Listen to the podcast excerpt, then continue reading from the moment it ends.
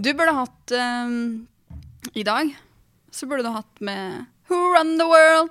Girls. Who run the world? Nerds. Ja. Oi! Velkommen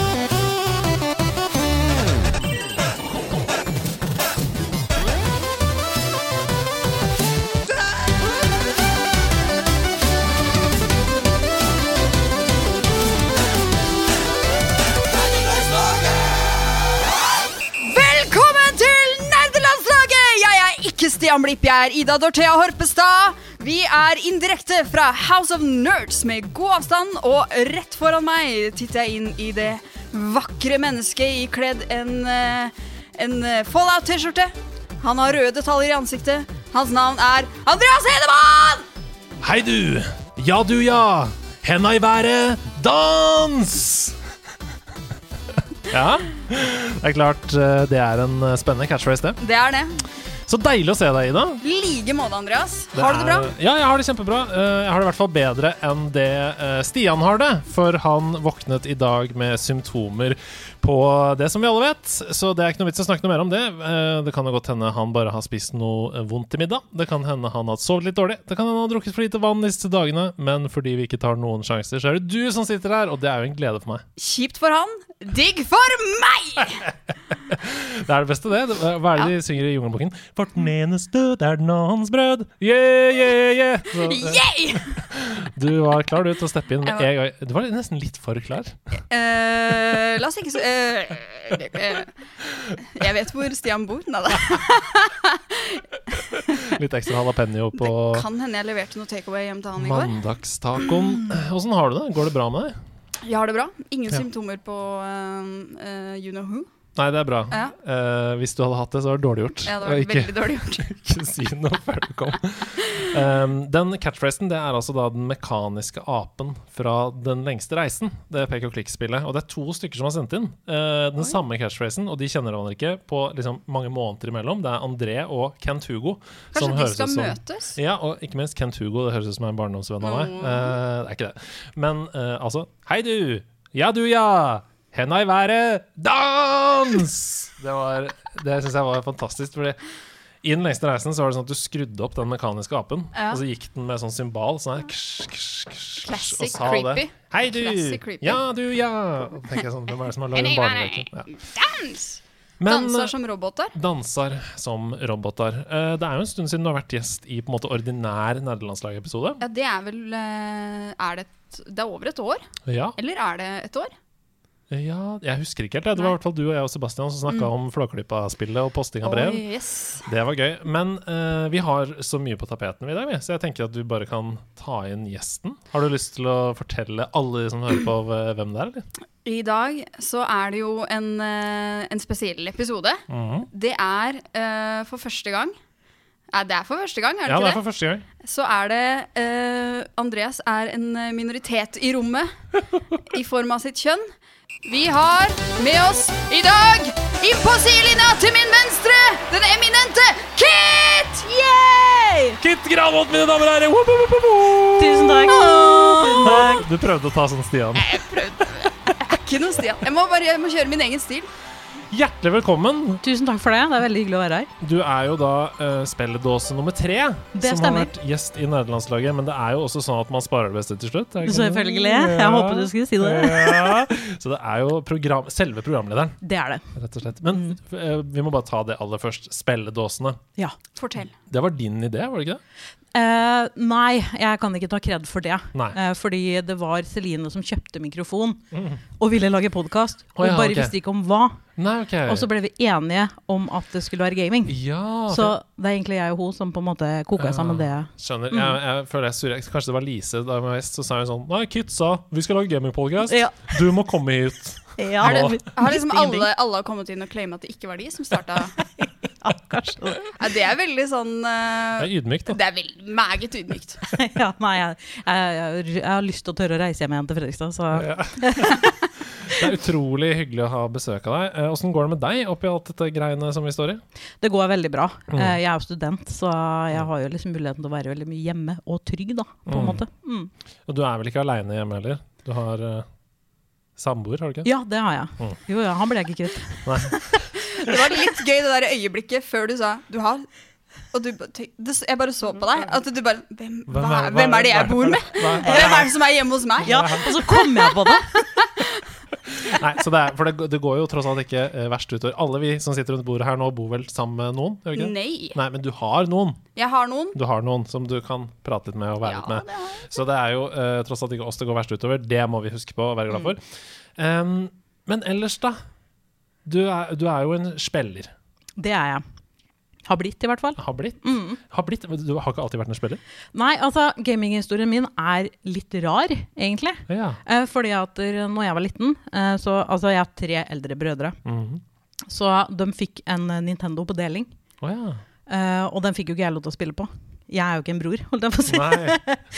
Så jeg måtte på en måte Eller det jeg fikk lov til, var eh, no, eksempel når man spilte Mario, da, Mario eh, nummer tre, for eksempel, og man Mhm. skulle gå fra liksom Uh, neste bane. Det fikk jeg lov til. Oh, ja. Ja, Du fikk lov til å velge på kartet. Ja, sånn, ja, ja. Man skal inn i neste. jeg er liksom den, da. Ja, for da kunne du ikke dø, liksom. Så da, Mm. Ja, det var det jeg fikk lov til. Eller så måtte jeg smøre brødskiver til dem, gå i butikken for dem for å få spilletid. da. mm. Så det var liksom der det starta for min del. Og da ble det jo så gjevt, når de endelig klarte å liksom få noen minutter med Nintendoen. da. Men det er sjukt, du fikk kjenne på sånn eh, kjønnsgatekeeping allerede der. Ja. Gjorde det. Har, Ja. du, har du kjent på noe sånt opp igjennom? Uh, nei.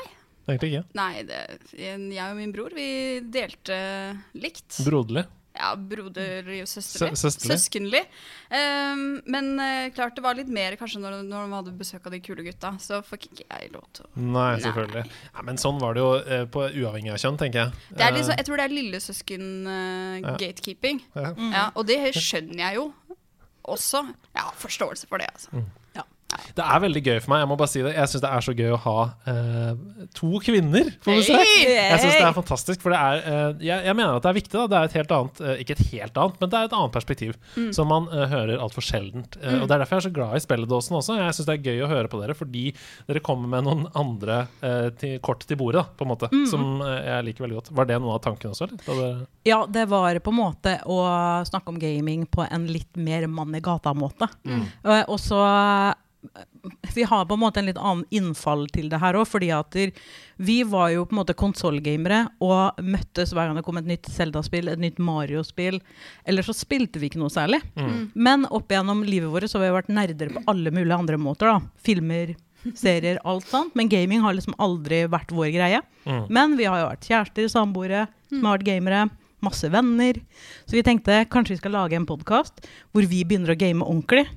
F- Og ta med lytterne våre på en reise gjennom hvordan er det å være kvinne over 30 år og begynne å game. Mm. For det kan by på mye rart. Ja, hvordan er det å være kvinne over 30 og begynne å game? Eh, Vi har, eh, vi har sprengt så mange barrierer, syns jeg. Altså, Ja. fordi sånne ting som ikke så veldig mange tenker over, sånn som å bruke Discord f.eks., Mm. var jo helt fremmed for oss. Å snakke med folk over nett som ikke var telefon, Mm. var jo helt mind-blowing for oss. Det å spille mot andre mennesker som kunne si dritt til deg, kjempeskummelt, liksom. Mm. Så vi har gjort så masse ting for første gang, da. Kjempespennende. Jeg har jo sett på det uh, Tea of Thieves. Uh, Ja. det er veldig gøy, for de sier konsekvent Tea of Thieves Ja, ja. istedenfor Sea of Thieves. Det er veldig gøy. Det, det er gøy nok, det. Det funker for meg. Uh, og Er det, det, er, jeg får, unnskyld, altså, men Tea of Thieves, da får jeg litt sånn derre British eh, Jeg vil at du skal drikke te og ha sånn derre Ja. dukkeselskap. Might we get to London to bring over some tea, my love? Boston Tea Party. Det er litt sånn det er òg når vi reiser ut eh, på båten vår, for å si det sånn. Ja. fordi det jeg skulle si er at det er jo sånn um, I hvert fall min erfaring med det spillet er at det er ganske sånn griefete spill. Altså Du kan møte folk som bare spiller det spillet for å ødelegge for andre. Altså det er sånn de ankrer, Du holder på med noe som har tatt fire timer, og så bare følger de sånn sakte etter deg. Og så når du er ferdig med det og får all luten, så dreper de deg og tar all luten og drar. Eh, er ikke det ganske sånn uh, demotiverende? Spesielt som- med tanke på det du sier, at du aldri hadde vært på Discord og aldri liksom voisa. Hvordan var den feelingen der? Du må ta det med humor, da. Mm. Man må jo det. Ja. For man er jo ikke god når man starter med gaming som 33 år gammel. Uh, men det er jo liksom litt moro av det. Man må gjøre det til humor, ikke sant. Og Hvis du refererer til den gangen vi spilte Tea of Thieves, og vi sank fire ganger på en time, så ja, det var sykt irriterende. Men det ble jo god underholdning. Det kan jeg skrive under på. Men ok, vi var på Super Mario 3. Er det liksom det første gamingminnet du husker? Var det der det begynte? På Super Nintendo? Nei, på vanlig Nintendo? Ja, vanlig nes. Nei, det var et spill som heter Gunsmoke. Oh, Ja, det er sånn-. Gunsmoke? Det er et sånn cowboyspill, veldig enkelt, hvor du liksom bare går oppover istedenfor bortover Mario, på en måte. Mm. eh, som brødrene mine spilte veldig mye. Og så var det Super eh, Punch-Out og Heter det Exit Bike? Ja, Ja, Excite Bike. Ja, Ja. det spilte jeg sykt mye. Og um, Mario, selvfølgelig. Aller første Mario. Så det var en del Nes. Og så på Super Nintendo så var det vel bare nesten Super Mario World. Det er jeg veldig glad i. Og så spilte jeg liksom ikke noe mer. Nei. Da ble det liksom et opphold til eh, jeg var sånn Jeg var 18 år, og så hadde jeg en eh, Nintendo 64 på rommet mitt. Men jeg vet ikke hvor han kommer fra. Kan ikke huske å ha fått den. Ingenting. Wow. Ja, og da hadde jeg begynt i klasse med Celine og en jente som heter Mailin, husker jeg. Og så var de hjemme hos meg, og så eh, reagerte de på at jeg hadde den. Og jeg syntes jo det var litt flaut. Så jeg liksom bare Nei, det var noen sånne, sikkert broren min sin. Jeg vet ikke. Bare, faen, det er jo dritkult. Jeg ser du har Selda her, liksom. Har du spilt det? Jeg bare Nei, jeg har ikke spilt det. Jeg finner ikke mål. For at, for at jeg, Finner ikke mål! nei, for jeg hadde liksom ikke spilt siden eh, Nes, da. Da går det bortover, og det er et mål. Ja, ja. Så jeg skjønte jo ikke en dritt. Å, Eh, det var, det, det, å, nå får jeg flashbacks! Fordi sånn var det med meg. Det er Ocarina of Time du snakker om. Ja, ikke ja. Akkurat den samme følelsen fikk jeg første gang jeg spilte Ocarina of Time. For jeg hadde jo bare spilt bortover Mario, som du snakker Ja. om. Eh, Tekken, som var man skal slåss til denne dør. Mm. Eh, mens eh, Ocarina of Time, relativt sånn open world um, Du må skjønne engelsk, for ellers så kommer du ikke videre. Mm. Hvis ikke du gjør som oss, trykk på alle knappene på alle stedene. Oh, yeah. Eh, og det er bare sånn det, Templer og sånn, det var greit. For det var jo på en måte et isolert en bane. Du går inn, og så skal du videre til neste rom, liksom. Det er greit. Men å være i den store, åpne verden, jeg ante ikke. Jeg følte sånn er? Hvordan kan jeg vite hva jeg skal her? Hvordan vet du at du er ferdig? Der borte er det en foss. Der er Ja. en vulkan. Der er det noe hesteranch. Jeg vet ikke hvor jeg skal. Nei! Det, akkurat sånn var det. Og det er så lenge siden jeg var 18 år at på den tida der så hadde vi sånn kontantkort på telefon. Mm. Og da husker jeg at jeg skjønte jo ingenting av det spillet her, men jeg fikk beskjed om å spille det, og da gjorde jeg jo det, for jeg hadde jo lyst til å beholde dem som venner. ærlig talt. Og da brukte jeg da eh, kontantkortet mitt på å ringe til Mailin og spørre kjempekjapt. Stå fast i DQ3, vet du hvordan jeg kom meg ut? Døra vil ikke gå opp. Og så er det sånn, skyt på stigen! Og så ha det. Men for en fantastisk måte å, å lære, lære å være gamer, da. Ja. Det er jo, men det er jo sånn, akkurat sånn det skal være. Som vi snakka om, det der med å ha et, eh, et lite miljø der du kan konsultere. da Spørre. Nå er jeg akkurat der. Jeg er stuck. Hva gjør jeg? Hjelpelinje, liksom. Ja, det var akkurat det det var. Hjelpelinja. Det kosta veldig mye penger for meg å spille det spillet der. Men da ble jeg på en måte bitt av den der Zelda-basillen. da. Eh, og da ble det jo at hver gang det kom et nytt Zelda-spill, så samles liksom jeg og Celine og Lise. Og hver gang det kommer nytt Mario og nytt Donkey Kong. Men det var liksom bare det. Og så var vi litt sånn innom Guitar Hero, mm. der dansemattespill, sånn Ja, ja, ja. mainstream-ting. Litt Assassin's Creed. Ikke noe store greier, liksom. Før da, for to år siden, da når vi starta den poden.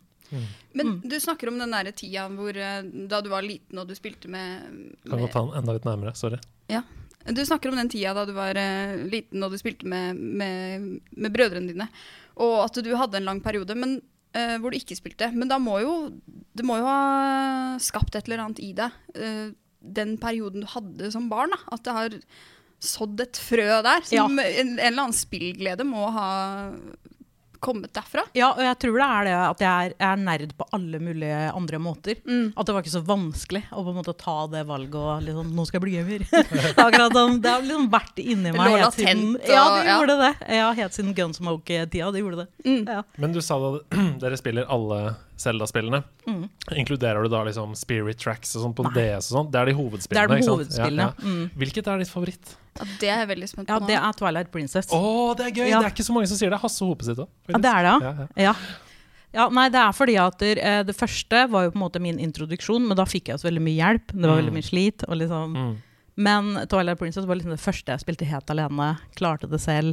Og så er det den der jeg, For det første så elsker jeg Midna, Mm. og så den der litt mørke kontrasten til det lyse. Mm. Det er, det er verdens beste spill, liksom. Mm. Tør jeg påstå. Spilte du på GameCube eller på Wii? Nei, jeg spilte på Wii. Ja. Mm. Det er også sånn fordi jeg spilte også på Wii. Um, og det var jo fordi det var bare én som hadde GameCube på hele Nordstrands-platået.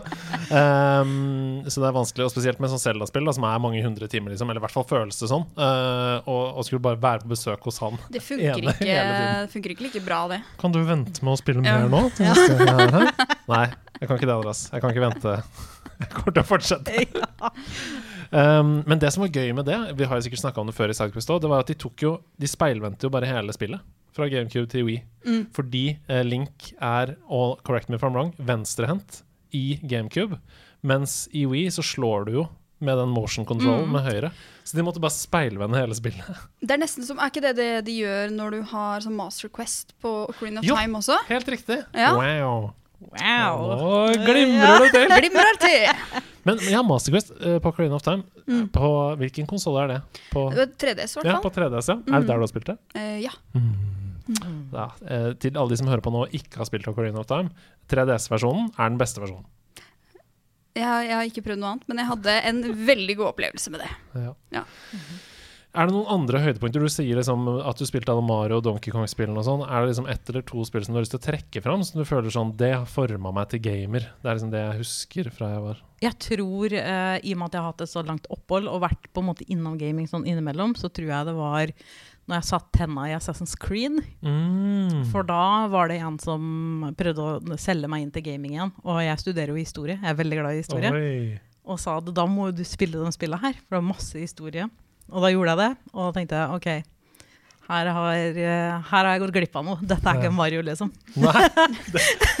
Det, vi, vi har ganske lik historie. Fordi uh, Martin Hugo, min barndomskompis, han var også, vi var akkurat samme. Var hjemme hos han, spilte um, Worms og, og Lemmings og sånn på PC-en. Og uh, Mario og Mario Kart og, og sånn på Super Nintendo. Men ett år så fikk han Assassin's Creed uh, og PlayStation eh, 2 da, i julegave. Og da var det sånn Sånn her kan spill være, på en måte. Det er liksom svær, og du, og du, du føler så viktig, det du holder på med. Men var det nummer to, eller det første? Eller? Ja, altså, jeg skulle vel egentlig begynne på nummer to, men så fikk jeg beskjed om at spill det første. Det er ikke så veldig bra, det er litt repetitivt og sånn, men bare gjør det, så er du med fra begynnelsen. Og da gjorde jeg det. Jeg likte jo det første. Det er faktisk en av mine favoritter. Mm. Ja, det er repetitivt og sånn, men det er jo så kult. Mm. Mm. Hva er det du liker med Assassin's Creed? da? Jeg liker eh, historie, blant annet. Eh, hvordan de har laga mapsa.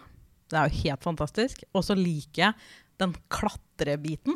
Har du, har du sånn at når du ser et mursteinsbygg, Ja, så ser du, kan du på en måte se for deg sjøl klatre ja, opp? ja, ja. ja? Hver gang jeg ser et mursteinbygg. Og så er det litt sånn utheving, Mm, eller sånne ting. mm. Så der kunne jeg hengt. Kan planlegge en rute. Ja, ja, ja. ja, ja. Jeg hadde jo daua hadde jeg gjort det, men jeg tenker jo sånn eh, gaming-kit hadde kunnet klatre der, ja. ja, ja. Mm. ja. Ja, det er Uncharted og Assassin's Creed. Har Ja. ødelagt meg for alltid på de tingene der. Jeg bare ser sånn her. Ok, escape route fra der hvor jeg er nå, i tilfelle det kommer noe uh, bak meg. Det, er, det er der, jeg tror det er der parkour egentlig Oi, ja, det skulle ikke forundre meg. det er et godt Mm. poeng. Men det er, det er litt sånn jeg tenker hvis jeg ser sånn gjengrodd hekk og sånn, så tenker jeg The Last of Us. At her kan det komme ut noe skummelt. Du har også spilt The Last of Us. Uh, Yes.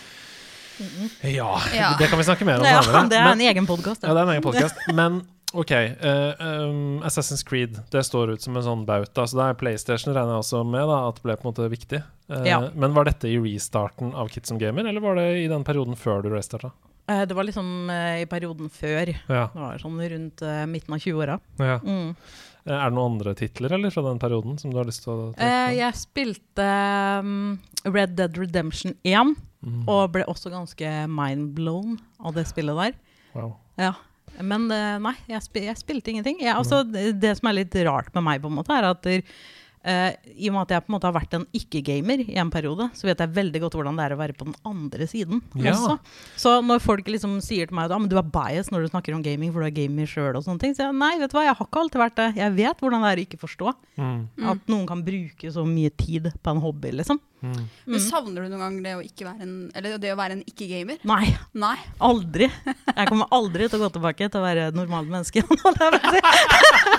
Det er så bra. Det er sånn, eh, folk som er interessert i musikk eller litteratur eller noe sånt. Vi snakker ikke om at de er Jeg kommer aldri til å gå tilbake til å ikke være interessert i musikk og bli normal igjen. Kommer aldri til å gå tilbake til å ikke kunne lese. Nei. Nei, vet du hva, jeg er så glad for at vi tok det valget å lage gamingpodkast. Eh, fordi Det var en litt sånn tråkk start, liksom. Vi visste ikke helt hva vi skulle spille og sånne ting. Har dere sett den der filmen eh, Captain America, Winter Soldier? Mm. Så har han sovet i 70 år. Og så går han rundt med den boka si, og så noterer han ned alt folk foreslår av musikk og sånt som man må høre. Mm. Litt sånn føler jeg det. Når vi starta den podkasten og begynte å, å skulle game, så fikk vi bare 20 000 forslag på Mm. hva vi måtte game. Det her må du få med deg, det her må du få med deg. Og det ble litt mye. Mm. Klarte litt med å, å finne min nisje, da. Mm. Mm. Hvem er jeg som gamer, liksom? Mm.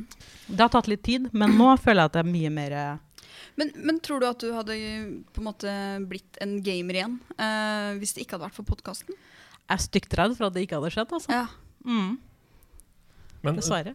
ja eh, Det er jo nesten trist å høre om, da. Det Ja, høres det ut som en sånn det, det, Men nei, vi skal være veldig glad det ikke skjedde. Ja. Det Eh, er i en annen alternativ virkelighet, og det er ikke den vi lever i. Og så har jeg liksom lært meg det at hvis jeg snakker med ikke-gamere, så, så tenker jeg meg om på hvordan jeg selger det inn. Ja. For jeg vet jo hvordan jeg ikke har blitt solgt inn tidligere. Ja. Mm. Hver, hver, er, har du noen sånn topp eh, tre tips til hvordan selge inn eh, gaming til ikke-gamere? Først og fremst mase. Mase. Ikke gi deg. Mm. Og så tilrettelegge. mm -hmm. Hvordan veldig, da? eh, altså, jeg ønska meg Switch. Ønska meg Switch, ønska meg Switch av samboeren min. Fikk ikke Switch, fikk gaming-PC. Ok. Jeg bare, faen, nå skal jeg med gaming-PC spille kabal, liksom. Men da fikk jeg jo så dårlig samvittighet for at jeg ikke brukte den gaming-PC-en. Så da ble det liksom sånn, ja ok, vis meg et spill, da bare ikke Vov, liksom. Ja.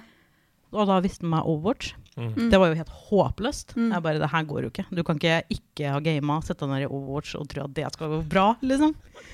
Det er det spillet jeg spiller mest nå, liksom. Ja, ok. Ja. så, så jeg tror det handler om å være litt sånn og, Økonomisk skyldfølelse er det ja, du ja, kanskje det. Men, og, Kjempetips. ja, og så er det også det å vite hvem du snakker til, for du kan ikke eh, eh, på en måte selge inn Vov og sånne store spill til en ikke-gamer, mener jeg. Du må Mm. begynne med å se personen, sånn som at jeg fikk tips om å spille Assassin's Creed, da. Mm. For at jeg er interessert i historie. Mm. Det er jo kjempesjakktrekk, Mm. liksom. Ja, det. Tilpasse spilltipset til personen er jo Mm. eh, Men tror du det er eh, ja, For det er jo noe med det å, eh, Hvis du skal be noen om å starte å interessere seg for en aktivitet, eh, ny aktivitet, så er det jo kanskje noe med det å ikke den, barriere, den økonomiske barrieren er jo der. Det er litt Mm. sånn OK, jeg veit ikke om jeg liker det her, skal jeg bruke 5000 kroner på, på PlayStation nå, liksom? Men er det å kanskje låne bort noe, eller uh, Mm. invitere til eh, Ja, legge til rette for den du prøver å liksom selge inn ideen til, da. Ja. Mm. Vi har jo, vi har jo den spalten uh, Har det holdt seg i denne sesongen av nederlandslaget. Og mye av grunnen til det er jo nettopp det dere snakker om her nå. Fordi um, det er mange som sitter på gjerdet nå og ikke får tak i en PlayStation 5, ikke får tak i next gen-konsoller og tenker 'Å, jeg er ikke med på hypetoget! Nei! Høytoget! Men, men det er så sjukt mange fantastiske spillopplevelser uh, som selv om de er ett år gamle, to år gamle, fem år gamle, ti år gamle, fortsatt er helt fantastiske. Da. Eh, og det trenger ikke å se ut som om eh, når du tar på skjermen, så føler du at du er i det andre universet. Det trenger ikke å gjøre det, fordi spillopplevelsen selv The Last of Us 1, da, for eksempel. La, oss bruke det som, la oss bruke det som et eksempel. Det kom i 2013. Mm. Det er åtte år siden. Mm. Eh, hvis du spiller det for første gang i dag, så tenker du ikke sånn Nei, dette var ræva fordi det kom for åtte år siden. Det tenker du ikke. Nei, jeg spilte jo det for første gang i, i, ja, for et år siden. Etter Mm. at du uh, var gjest i Årets podkast og sa Ja. at der, eh, dette var et spill vi måtte spille før vi dør. Ja. Hva syns du om The Last of Us? Kjapt. Um, jeg er veldig glad for at uh, Andrea sa at uh, du må ikke sette deg ned og spille det spillet her og forvente at det er verdens beste spill noensinne laga. Liksom. Uh, du må ta det litt for det det er. Det er laga i 2013, og sånne ting. Og det gjorde jeg òg, liksom. Og forventa egentlig ingenting. Og ble blåst i fillebiter. uh, og det også er da, da, sitter jeg der og så er jeg er så takknemlig for at uh, jeg får lov til å oppleve det her. Mm. uh, nå, når det var liksom rett rundt hjørnet for en toer. da Slapp Mm. å vente i åtte år. da Ja. Det var For det hadde jeg gjort. eh, Nei, Ja. men det er veldig gøy. Men eh, OK, så reboot. Spilledåsene eh, begynner å eksistere. Mm. Åssen ble det mottatt, bare til å begynne med? Eh, ja, det Ja, oss ble det mottatt, ja. Både òg, på en måte. Mm. Eh, stor, vi ble jo egentlig sånn eh, tatt imot med åpne armer, på en måte. Jeg tror Vi var jo veldig ærlige med hva vi var. Altså, vi, er ikke, vi er ikke blodgamere, på en måte. Vi, vi kan ikke det her. Vi prøver å lære oss det her. Og så er dere med på reisen. Og vi skal være 100% ærlige om vi liker et spill, om vi ikke får det til, hva vi syns er skummelt, hva folk sier til oss, åssen oppfatninger folk har av oss. Mm. Og jeg tror vi vant mye på det, da. Å Mm. være ærlige. Ja, Det tror jeg. Så vi ble eh, for så vidt tatt imot med, med åpne armer. Litt sånn Yes, vi trenger jenter i Mm. det miljøet her. Og det var det vi på en måte vil fronte litt òg. Mm. Ja, det er 1000 enig i. Er det noe Mm. som jeg syns er noe av det mest harry jeg vet om i hele verden, så er det gatekeeping av kvinner og jenter i gaming. Og det handler jo om ehm, eh, hvorfor. Jeg skjønner ikke hvorfor. Det er 50% av verdens befolkning som Mm. ikke skal få lov til å oppleve et kulturuttrykk fordi de har et annet kjønn! Det er helt Ja, det er helt Det, absurd. det, det er sånn, jeg føler at vi er tilbake til apartheid. Det er sånn, Dere får ikke gå på kino Ja. fordi dere er kvinner! Hæ?! Hva er det som Ja. skjer? ja, og så Det er er det helt litt. Jeg skjønner ikke problemstillingen. Det er Nei. det som er greia. Og det er litt sånn forskjellige oppfattelser av det òg. For at min erfaring i det miljøet her sånn er, er på en måte tredelt. Mm. Enten så er det det du er jente, du er ikke god nok, du får ikke lov til å være med her. Mm. Eller så er det du er jente, du får alt gratis, du får kaste alt etter deg kun fordi du er jente. Mm. Eller så er det den derre Å ja, du er litt sånn gamer nå, ja, du har spilt 200 år, så er du litt sånn gamer nå. Hvorfor Mm. kan vi ikke bare møte hverandre og si Du spiller, ja. Fett. Hva spiller du? Mm. Ferdig. Mm. Nettopp. Ja, jeg er skjønner jeg ikke det. samme.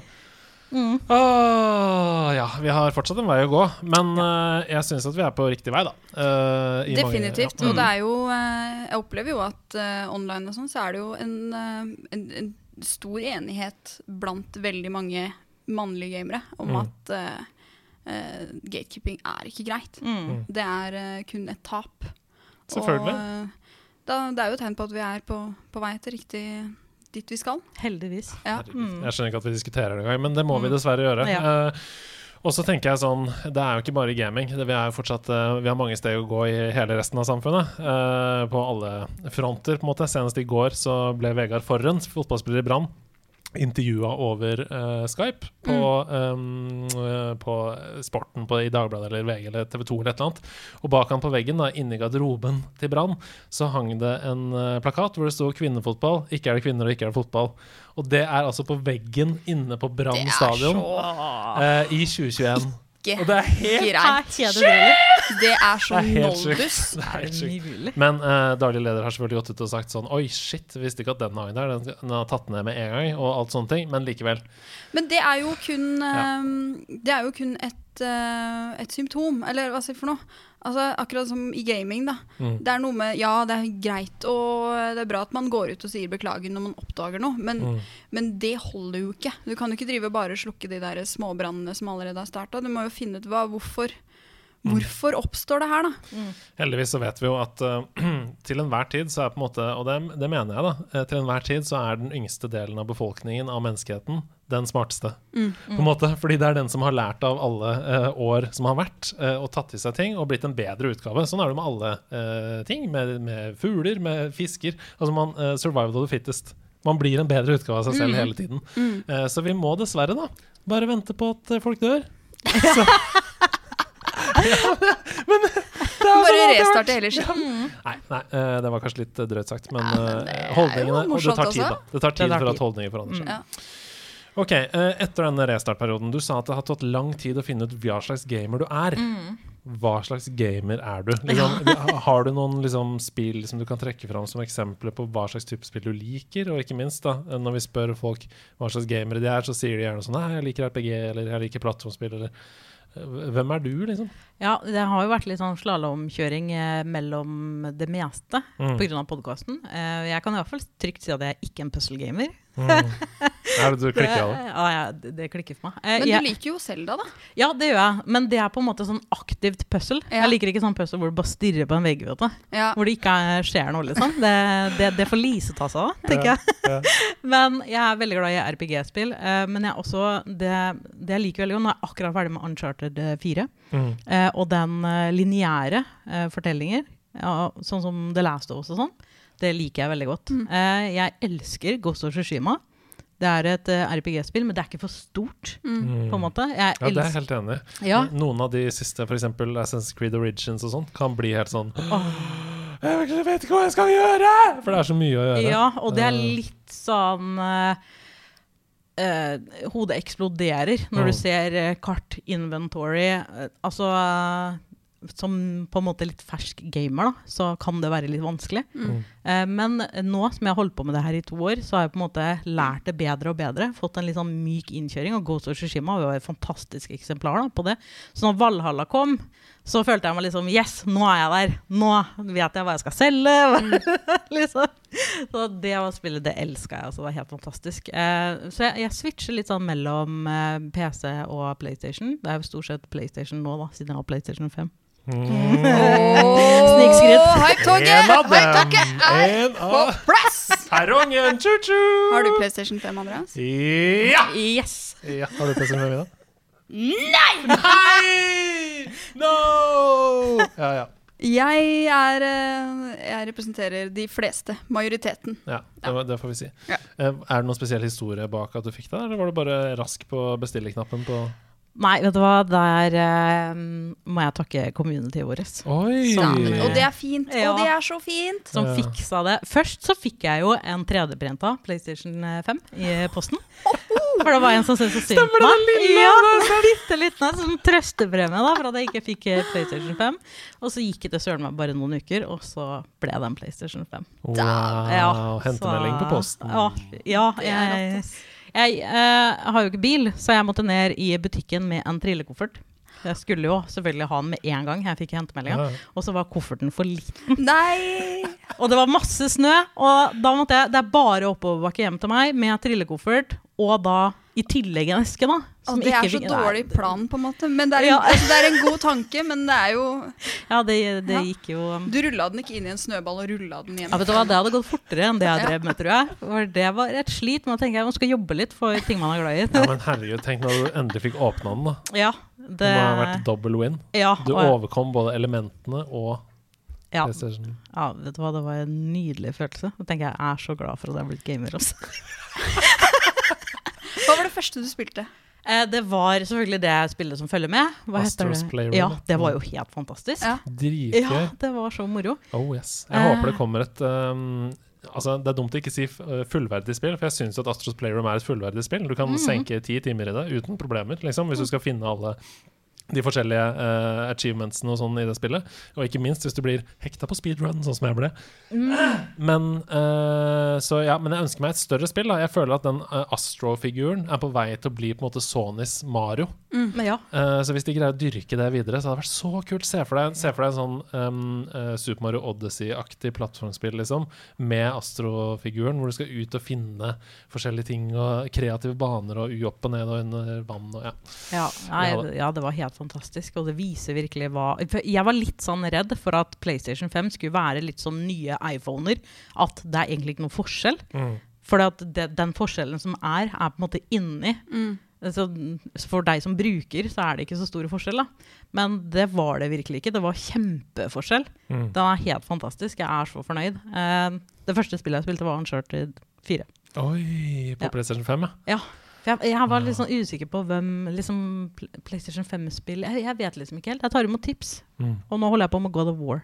Mm. Fy søren, herlighet. Du er jo gjennom en buffé av perler, da. Ja, ja Eh. God of War var jo helt helsike. Ja. ja, jeg bare Jeg har så mye å oppleve. Men falt du litt for Kratos òg, eller? Mm. Falt du litt for Kratos Mm. også? Ja. Den stemmen der Jesus Christ. Jeg tror jeg må legge, jeg må legge meg her resten av Det er podkasten. han som sier Boy! Boy! Boy! Har du også spilt det? Jeg har, eh, jeg har så vidt spilt det. Ja, ja. Ja. Hva, hva er dine hva, okay. ok, hva er det du ser mest fram til nå, Ida? Eller sånn, Nå er det jo et år siden du har vært der. Hva har du spilt siden sist? Vi kan jo egentlig gå dit. Eh, Da. Ja, ok. Ja. Uh, det tenkte jeg litt på før jeg dro, faktisk. Hva er det jeg har spilt i det siste, og hva ser jeg fram til? Uh, jeg ser jo fram til kanskje å eie en PlayStation 5 i løpet av uh, framtiden.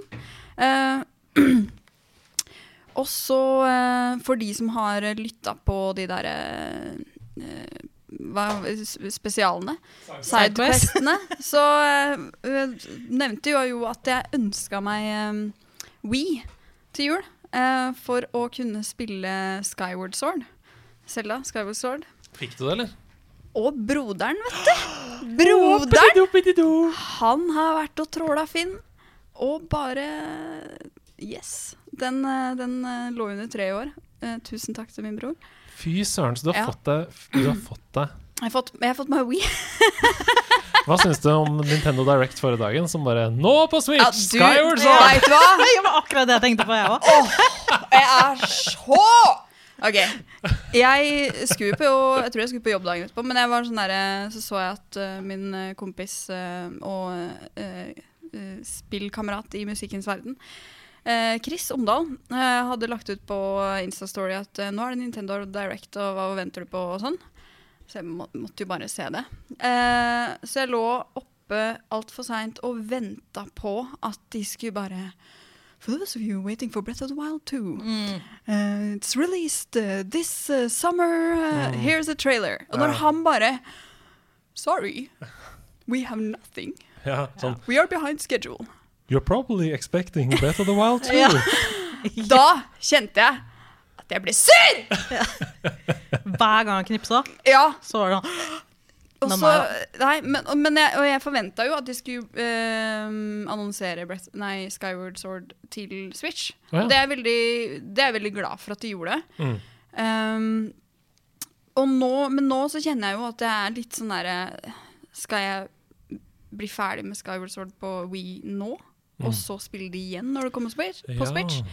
Eller skal jeg liksom avslutte der jeg er, og så begynne på nytt igjen? eh? Ja, spørsmålet er vel hva annet skal du spille på Wii? Nå som du har fått uh, Wii. Twilight Princess? Ja, Kanskje? har du spilt det før? Jeg har ikke det. Det er, det er den store liksom, som mangler Ja, men det- i oh, Da har du mye Så kanskje jeg skal gjøre det isteden. Jeg tror faktisk ikke du er alene om det. Altså. Jeg tror det er ganske mange som ikke har spilt uh, Twilight Princess. Um, så det vil jeg absolutt uh, råde deg til å plukke opp hvis du, har, hvis du greier å leve med at det er 480P da, uh, på skjermen. Det klarer jeg å leve med. Ja. Uh, og nå har jeg jo den der økonomiske skyldfølelsen av Jeg har jo fått en Wii, så jeg må jo bruke den. Mm. Eh, Nei, men jeg liker, vet du hva, jeg liker veldig godt Wii som spillkonsoll. Mm. Jeg digger det. Og jeg veit at folk klager på det er så kjipt at du må drive og veive for å, å slå og sånn, men jeg syns det er en del av spillopplevelsen. jeg. Elsker det. Ja. Jeg syns uh, motion controllene på Wii er helt fantastiske. Jeg ser ut som en idiot når jeg spiller, men det er ålreit. Ja, men uh, uh, ålreite idioter, Ja, det er de vi liker Og Link ser bra ut. Ja, ja. Ja. Men du, nå kom jeg på en ting. Ja. Uh, jeg har jo masse masse Wii-spill på hytta. Du har det? Du kan bare låne av meg. Åh, det er snakk om å legge til rette. Ja. Ja, Ja. bra. Jeg har lært. jeg har lært Nå har du lært. Så det er det du har hovedsakelig spilt uh, nå om dagen, da? Uh, Skyward Sword, eller? Uh, Hva annet er det du spiller nå? Nei, jeg, spil, jeg, har, jeg har spilt Jeg har tatt opp um, Åh, Magic igjen. Oi! Kortspillet Magic the Gathering. Magic. Er du rik, eller? Hvordan har du råd til Magic? Nei, nei, nei. nei. Jeg, er ikke, jeg er ikke rik. Jeg har funnet fram de der gamle starter packsa og lest gjennom reglene igjen. Og Oi, funnet oi, noen som er oi. faktisk gira på å spille. Jeg er nesegurus beundra, fordi, fordi um, jeg elsker jo Magic. Uh, Ja. Jeg har aldri spilt det. Hæ? Men jeg elsker det fra utsiden, hvis Ja. du skjønner hva jeg mener. Uh, For jeg elsker jo Hearthstone. Ja. Det har jeg spilt time opp og time ned. Du hadde, jeg tror du hadde gjort deg meget godt Ah. som en Magic-gamer. Magic godt. Jeg har gjort meg Magic godt. Nei, men for hver gang jeg, hver gang jeg blir sånn fysen på Magic, da, Mm. så går jeg kanskje på Reddit og begynner å lese litt om Magic og sånn, så er det sånn uh, Det koster uh, 20 000. Så det er bare, ikke sant? Å få alle de kortene du trenger og sånn. Det er jo Det liker jeg veldig godt. eh, at eh, jeg har noen sånne starter packs. Mm. Og det eh, Jeg er jo ikke såpass uh, inn i det at det ikke holder. For det holder for Ja. meg. Jeg syns det er um, Du kan jo tenke deg på Heartstone. da. Ja. Du kan spille ganske mange runder med den samme dekken ja, sant. eh, og fortsatt ha glede i det. Ja, det er veldig sant. Um, så, så nei, jeg syns uh, du, du skal få låne et par starter packs av meg. Jeg kan bytte deg litt starterpacks mot noe Wii-spill. Yeah, yeah, yeah. Noe Dex. Men sitter du og spiller med deg selv i speilet. Eller hva er det du gjør nå om dagen? For det går ikke an å gjøre noen ting. Jeg har, eh, jeg har faktisk uh, introdusert min kjæreste kjærest for Oh. eh, Magic. Deilig. Så foreløpig så vinner jeg. Ja. Og det er jo ålreit for meg. Har du noe sånn forhold til um, fysiske spill? Altså type brettspill, kortspill og sånne ting? Elsker brettspill. Og jeg har også spilt uh, Magic. Mm. Og det er jævlig kult, det òg. Ja. Mm. Hvorfor, hvorfor er dere Magic-eksperter? Jeg kan ingenting. Nei, jeg er ikke noe ekspert. Vi er ikke eksperter. Nei. Men jeg også en sånn starterpack. Ja. eh, Ikke sant? Det er gøy. Det ja, det er holder lenge. Det holder lenge. Det er, hvis du skal spille vriåter, du trenger ikke gullkortstokk. Liksom. Det er moro for det. Skogmana og Ja, men for, så, så, ja, grønn det er blå mana. Spørs åssen dekk du spiller, da. Ja. På en måte. Og så lenge den du spiller med, har et balansert dekk i forhold til det du spiller med sjøl. Ja, så at du ikke føler at du blir helt bare Ja, eh, overkjørt, liksom. ikke sant? Mm. Så er det jo Ja. Mm. Spille det en stund. Komme litt godt inn i det. Ha ditt første sånn derre Uh, dekkåpnings Uh, sånn, mm. Kjøpe noen spillpakker og sette sammen Ah. ditt eget dekk Ja. og teste det ut. For det er det som er magisk med det. Den der gamle fotballkortfølelsen. Det heter- Pokémon-kortfølelsen. Magic the Gathering. Så Så det å komme sammen Det er en drøm. Ok, men vi, vi avbrøt deg før du fikk lov til å si noe om brettspill. Hva Er det noen brettspill du liker godt? Vet du hva, jeg, ja takk, alt, holdt jeg på å si. Jeg elsker brettspill, og jeg elsker liksom eh, den eh, type brettspill-communityen. At man samles og Nå går jo ikke det, da. Mm. Men eh, jeg er veldig glad i sånne der, type decrypto-spill. eh, Ja. eh, veldig glad i et spill som heter Werewolf. Mm. Jeg vet ikke om dere har hørt om det? Det er Nei, sånn ljugespill. Alle Oi. får forskjellige roller, og så er det noe mer å liksom! Åh, jeg elsker sånn diskusjonstype spill. Så du liker egentlig Among us, du da? Ja, det er, litt- åh, det Among Us er kult. Det har jeg spilt mye i det siste. Ok, Ja. eh, velkommen til Among us-teamen. Eh, Men det din skal vi Among ikke snakke om. Nei, vi skal ikke det? Nei, jeg vet ikke. Jo, vi skal snakke litt om altså vi, det, det stedet vi er på nå i podkasten, er jo hva spiller vi nå om Ja, dagen. ja. Og hvis dere spiller Among us nå om dagen, så vær så god. Jeg har nesten ikke spilt det. Så, Har du ikke det? Ja, så Det jeg er jo prøvde et så par ganger. bra sånn sosialt eh, Ja. spill å spille over eh, Altså mange fredags- og lørdagskvelder har blitt redda for en som bor aleine og kan kjenne litt på ensomheten. Mm. Da er man ikke aleine lenger. There's someone among us. Oh, Mm. Ganske sus. sus, Så jeg, jeg, vil, jeg vil jo anbefale alle som eh, kjenner på det, som er litt nysgjerrig, gi det en sjanse. Bare fyr opp en, en, eh, en gruppesamtale på Messenger eller et eller annet. Mm. Last ned Among us på telefonen, og eh, ljug til gørra Ja, det er kjempemoro. Spesielt hvis han spiller sammen med vennene sine. Kjenner hverandre godt og sånn.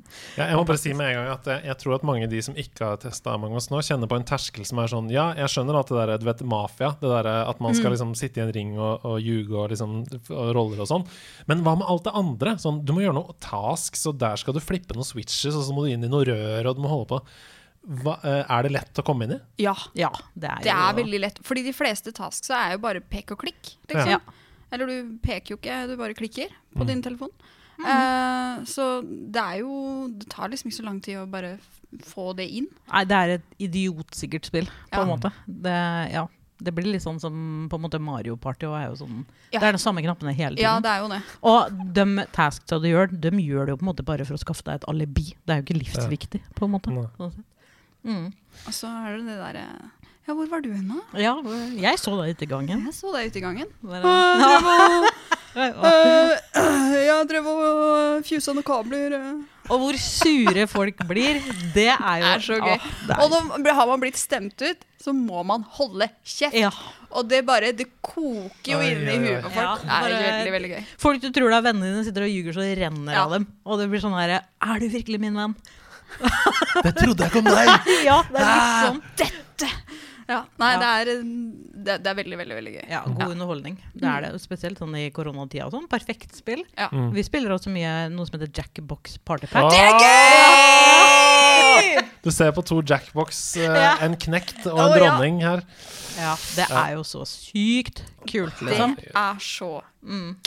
Favoritt, uh, favorittspill først? Eh, Kanskje favorittpack, eller? Først? Hvilken partypack? Vet du hva, Det er ikke jeg som har hosta den, jeg har vært med og spilt det. Så jeg er litt usikker på hvem, eh, er- hvem av delene vi har tre. spilt. Tre. Det er tre er fasit. Det er treeren. Er det den vi pleier å spille? Ja, jeg liker ikke så godt den derre um, når du skal være på båten og være jokester. Jokebot. Det er, det er i nummer fem, eller noe sånt. Du skal fortelle vitser. Ja. Ja. Sette opp eh, vitser. Ja, er, ja, ja, jeg liker ikke den der når du må holde foredrag. Jeg. Å, Når noen det andre er gøy! velger bilder. Da får jeg helt packeren, altså. I Jackbox Partypack 3 så er det jo Jeg tror det er fem spill, eller seks spill, eh, og det er bare ett som ikke er gøy. Eh, der har du Quiplash 2, du har TKO, altså tegne T-skjorter.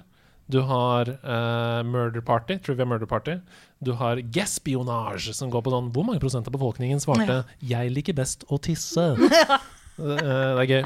Så alt er gøy der, bortsett fra den siste som er faking it. Som skal finne ut hvem som lyver, men det er ganske det dårlig. er, Ja. Men den derre quizen, den derre murder eh, Ja, Trivia Murder Party. ja, den er jo helt fantastisk. Han Mm. som har stemmen der, sånn, Ja. sier jo så vanvittig mye morsomt. Dessuten så har han Han har sånn mørk stemme Ja. som du liker. eh, Ja. Du liker det. Litt sånn Kratos. Ok, men hva uh, Vi har snakka litt om det allerede, men er det noe annet som du spiller nå om dagen? Som du har lyst til å trekke fram? Du Ja, sa Valhalla. Eh, God of War. God of War, ja. Ja, jeg begynte jo på det for to år siden, og har jo ikke gjort stort sett Mm. noe annet, egentlig. Og så er det jo Overwatch, da. Det er liksom PC PC-spillet. og så holder jeg på å streame Um, Drømmefall Chapters. Oi, Mhm. det gjorde jeg også. Det første spillet jeg streama, faktisk, var Det var Dreamfall det. Chapters. Mm. Uh, mm. Så det er vanskelig. Ja, Hva Hva syns du om det? Har du spilt de første? Lengste reisen og Nei, jeg har ikke det. Nei. Eh, jeg begynte rett på det her, for jeg fikk det av en eh, lytter. Imot at jeg da kunne streame det. Skjønner du, skjønner du det noe Det er så fint, altså. Om jeg skjønner noe, nei? Skjønner du noe? Nei, jeg gjør jo ikke det. Det Um, er altså så innvikla historie. Ja, ja, men altså er det Altså, de puzzlesa er jo eh, På en måte så er det jo kjempebra puzzles, for det er jo så rart. Mm. Men på en annen måte så er det jo sånn Åssen går det an å finne ut av det her? Noen har vært høye når de har laga det spillet der. Det er helt avveselig. Mm. Mm. Nei, og så er jo ikke jeg en sånn puzzle-person heller. Nei, det er Jeg er altfor utålmodig. Ja. Så nå har jeg liksom fått grint meg til at Celine skal være med neste gang vi streamer. Da. Så i hvert fall to da, som kan liksom samarbeide om det. Og så er det jo på en måte greia med det er jo på en måte å streame det, og så gjør, gjør jeg det samme seerne. da, Sånn at de også kan komme med forslag til hva som er løsninga her. Mm. Det er bra. Mm. Få litt drahjelp. Ja. Gøy at du sier Overwatch. Mm. Hvem er din karakter? Eh, jeg er healer-main, stort sett. Mhm. Eh, jeg spiller forskjellige healere, men dem jeg spiller mest, er Lucio, eh, Mercy og Moira. Mm. Og så som DPS så spiller jeg Junkrat. Mm. Got no aim. Play Ja, ja. Junkrat main. Men det er veldig gøy, fordi eh, nok en gang så er vi helt like. Altså, fordi jeg hadde ikke spilt Jeg hadde spilt litt CS, jeg hadde spilt noen sånne online skytespill, men jeg hadde ikke spilt noe i nærheten av kompetitivt online før Mm. jeg spilte Overwatch. Det var det første spillet i den sjangeren på en måte som jeg, jeg plukka opp. da Jeg gikk ned på Spaceworld og for jeg hadde gavekort, og så plukka jeg med meg eh, Ratchet and Clank og Mm. Overwatch til PlayStation 4. Uh, og så tenkte jeg sånn hm, Overwatch det var ett år etter at det kom. Jeg har hørt masse om og sånn. Begynte å spille det, ble fullstendig avhengig. Virkelig avhengig. Jeg spilte Torbjørn i 300 timer. Fordi jeg ikke hadde aim. ja, ikke sant? Turret, turret bare Ja. hold turreten levende. Uh, og så skjønte jeg at jeg måtte lære meg support, for det var ingen andre av de jeg spilte med som ville spille support. Mm. Så da tok jeg den og knytta det til mitt bryst og tenkte det er jeg! Jeg skal heale dere! Jeg skal holde dere i live! Så ble jeg Mercy Main da, Mm. og koste meg med å uh, sexman-resse hele tiden og sånn, da det var ulten hennes. Ja, stemmer. Um, men i moderne tid, for dette er, en, dette er en glidende overgang til hva jeg spiller om dagen, nemlig. Ja.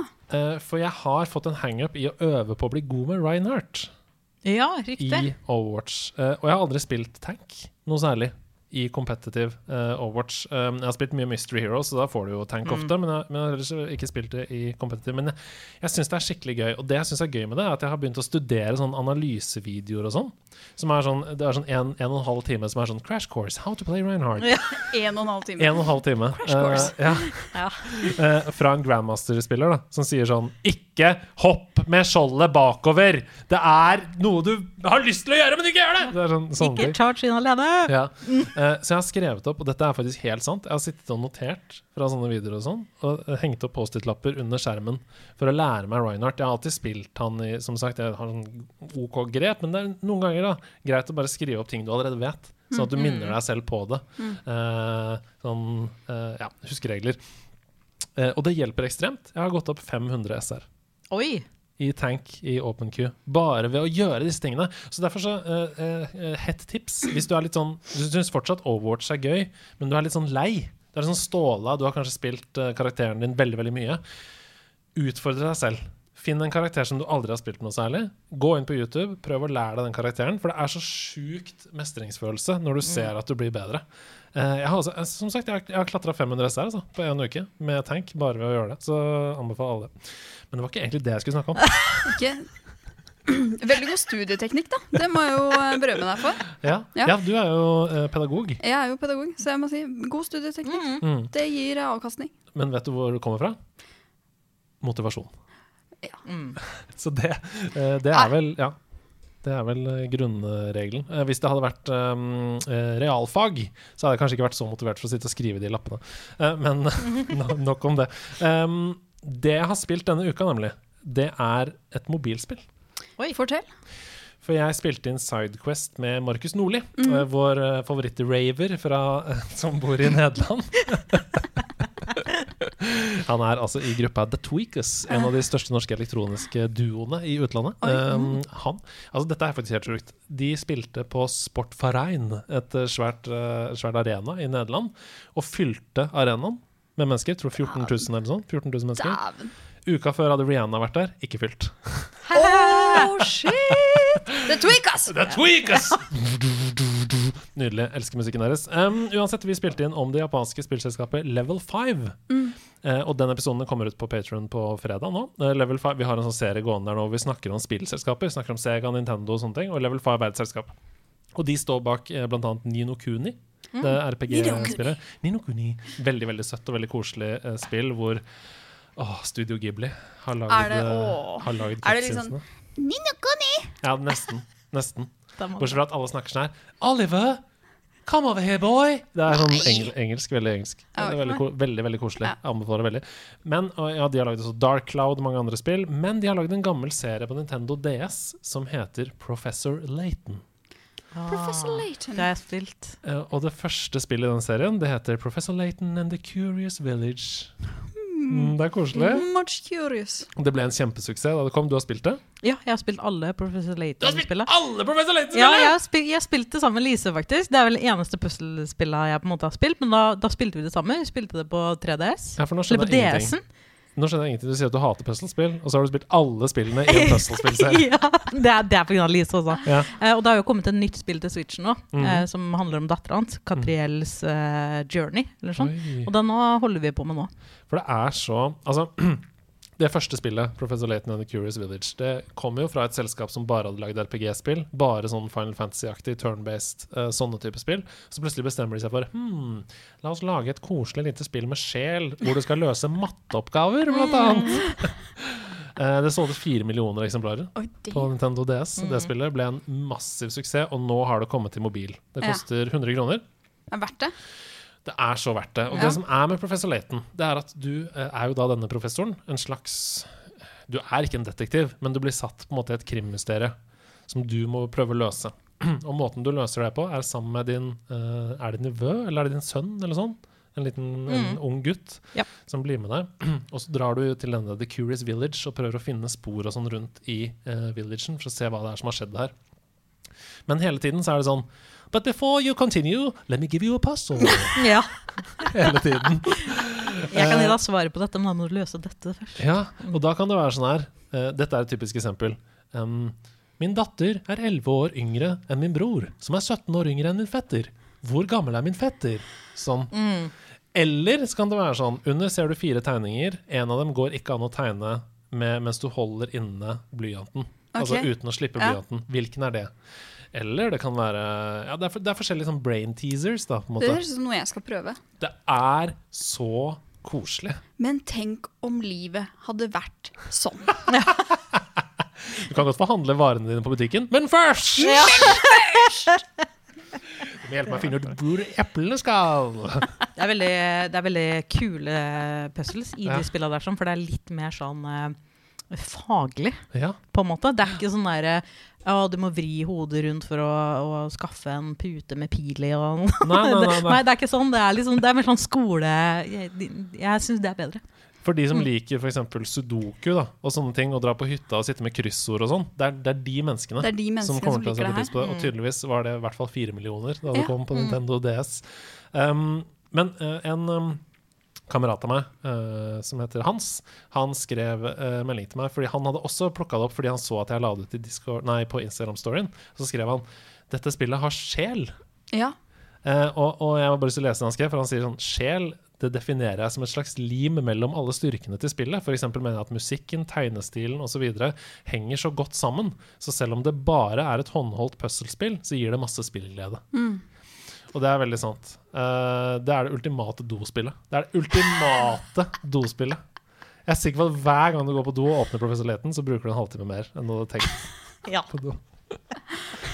Jeg trodde, jeg trodde det var det derre um, Run, uh, Temple Run som var det ultimate dospillet. Oh. Men uh. Det har jeg spilt mye det. på do. Bare én run til. Bare én. Bare én run til. Sveipe litt der. Tenk så mye hemoroider som har uh, Oppstått pga. Ja. Temple Run. Ja. Lokket sitter fast i en Eller reiser deg. Eh, vi skal videre, men jeg må bare si at um, Å nei, nå mista jeg det. Professor Laton er ålreit, og det har mye sjel. Og det skal jeg prøve. Mm. Mm. Ja, det var det jeg skulle si! At uh, Nintendo DS hadde jo to skjermer. Mm. Ikke sant? Så på iPhone eller Android, det er på begge mobilene, så blir på en måte øverste halvdel av mobilskjermen Det blir den øverste skjermen på DS. Mens den nederste delen av mobilskjermen, det blir den nederste skjermen. Så du, det er ikke sideholdt uh, spill? Nei, det er, det eh, er som å holde i en gammel DS. Og du har liksom den nederste skjermen med tasten og sånn der, og den øverste skjermen. Og um, Trenger du style òg? Nei. Ehm, og det er bare Ja, det er så god port, da. Hver gang du uh, for, Og fordi det er på iPhone så, eller mobil, da, så suspender du jo spillet hele tiden. Fordi det skjer noe på Messenger eller det skjer et eller annet. Når du da kommer tilbake etter, hvis du har vært borte så og så lenge, eh, så får du sånn her Mens du var borte, her er en liten recap av historien! Og det er så koselig! Men er det, er det koselig, eller er det Nei, irriterende? det er ikke irriterende. Nei, okay. Fordi uh, du må på en måte ha hatt mobilen av i typ tre timer Ja, før ok. den kommer. Ja. Eh, hvis ikke så er det bare rett tilbake. Ding, ding, ding, ding, ding. Den mystiske musikken.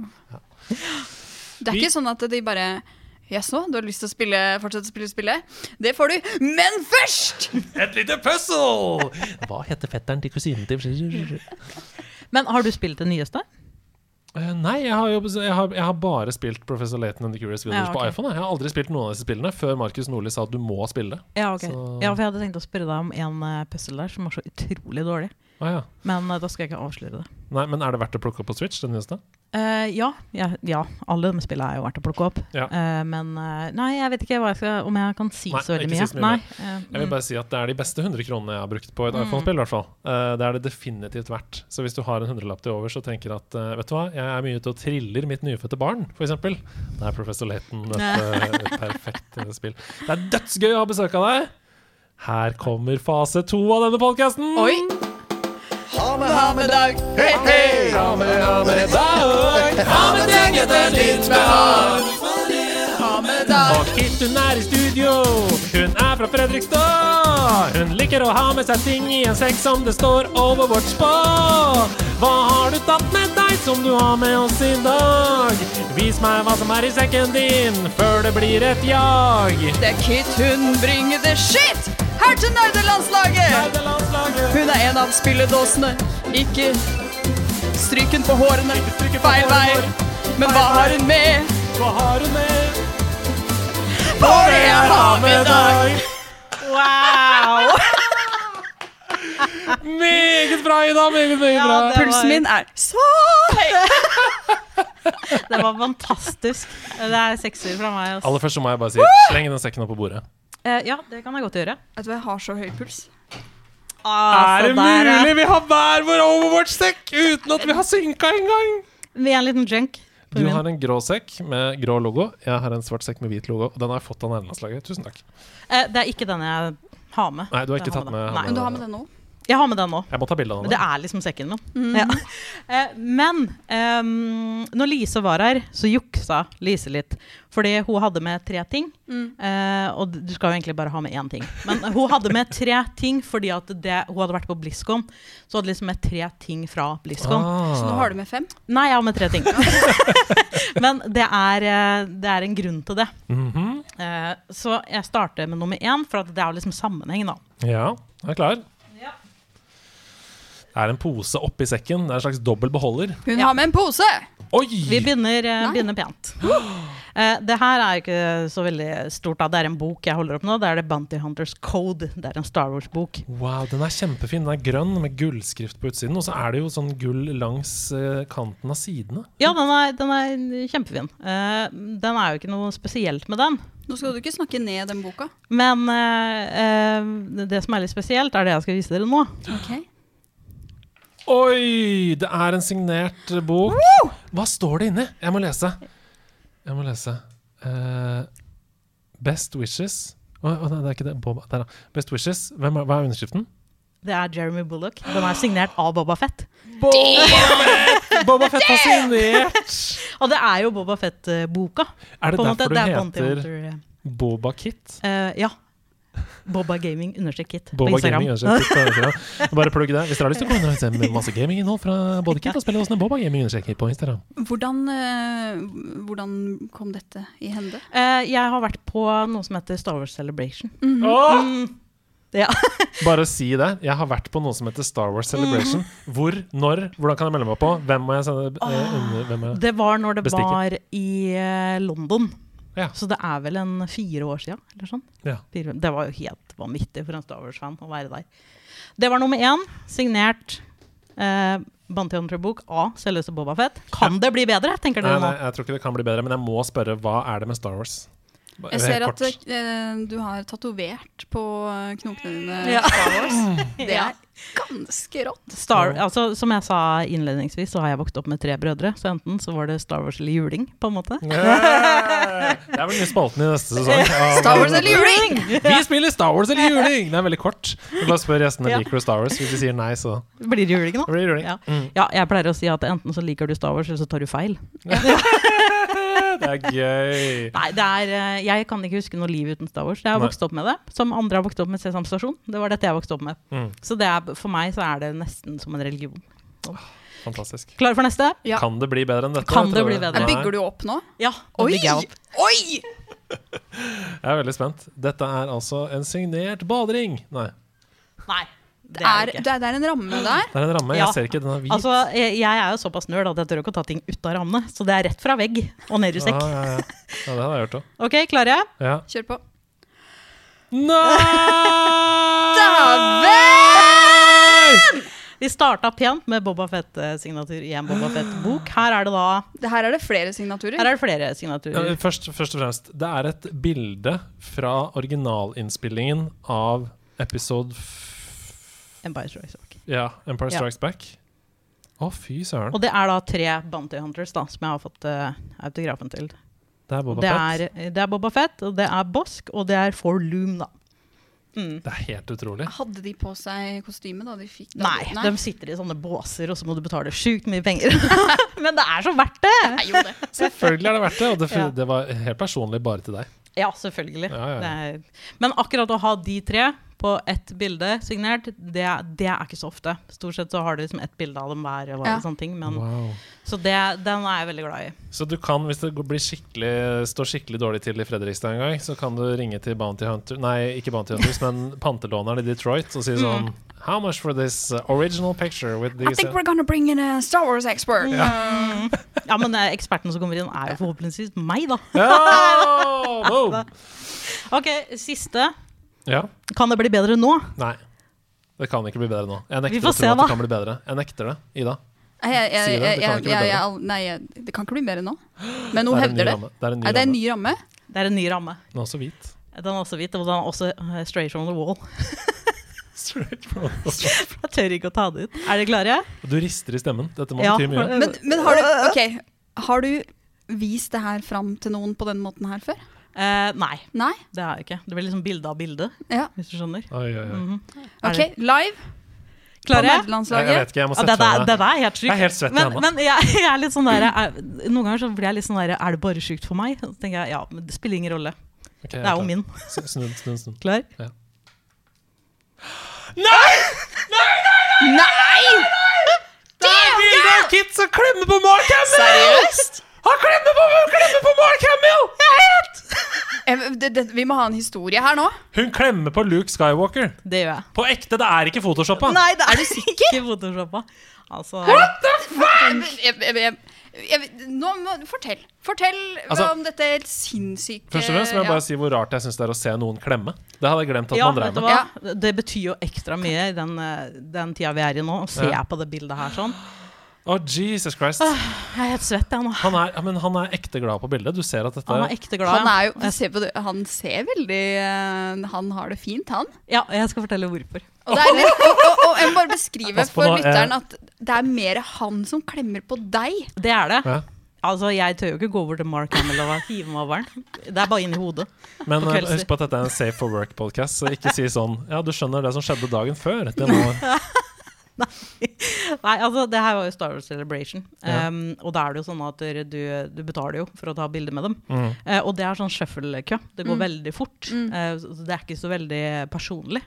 Men heldig som jeg var, så Før meg i køen så var det en familie med to barn. Den minste Nei, tre barn. To av dem som gikk selv, og ett som satt i barnevogn, altså baby. Mm. Som han selvfølgelig ble tvunget til å holde ikke sant, på det bildet. Og for å få dem ut av rommet, så er det jo ned i den barnen. Altså det tar tid ikke sant, å få ut en hel familie Ja, ja. som kanskje egentlig ikke ville gå. Og av med parkdressen og Ja, altså Ja. det var jo og Du sa han var helt svetting. Det er kjempemorsomt sikkert å holde en fremmed baby ja. som skriker. Og, og da sto jeg next i kø, og da vinka han meg bort. Og da ble jo vi bare stående der og vente på at de skulle komme seg ut av rommet. Mm. Dem som hadde tatt bilde først. Og da fikk jeg tid til en liten prat. Oh. Ja, og da spurte han hvor jeg var fra, og så sa jeg at jeg var fra Norge. Og da sa han at dere, Jeg vet ikke om du vet det, men jeg har vært i Norge. Jeg bare, Selvfølgelig vet, vet jeg det. Altså, jeg har gått på Finse. Ja. Jeg har gått i dine fotspor. Der hvor du gikk. jo, jeg, jeg, jeg vet det. Og da sa han at han skjønte ikke at der, noen kunne bo der frivillig, da, for at dere, han holdt på å fryse av seg ballene da han var der. Det, var, ja, det, det forstår jeg. Og så spurte han om når vi skulle ta bilde, om han fikk litt å klemme. Jeg bare, ja! Klem han så lenge du vil. Bli med hjem. Nei, unnskyld, det sa jeg ikke. Please Jo. Det er så deilig å kunne ha uh, deres kjønn og deres uh, seksualitet representert, for da kan dere si sånne ting. Det- det er lov. Ja. Ja, ja. Boy! Boy! Get over here, boy! Come boy! to Norway, boy! Vi skal bygge et hjem på Finse! Du, eh, Du og jeg. nei, dette var en uh, over all forventning å ha med i dag. Hvordan lukta han? Unnskyld. Nydelig. Det var det? Ja, ja. Han var ikke Det var jeg Svett. som sa 'boy'! si det sånn. Nei, vet du hva, Det var en helt fantastisk eh, erfaring, og han er jo så flink Mm. med fansa sine. mm. Så nei, det var uh, største opplevelsen i mitt liv. i De sier jo sånn 'never meet your heroes', men uh, det, det gjelder ikke. Nei, det gjelder ikke. Nei. Never meet your heroes except Mark Hamill. Mm.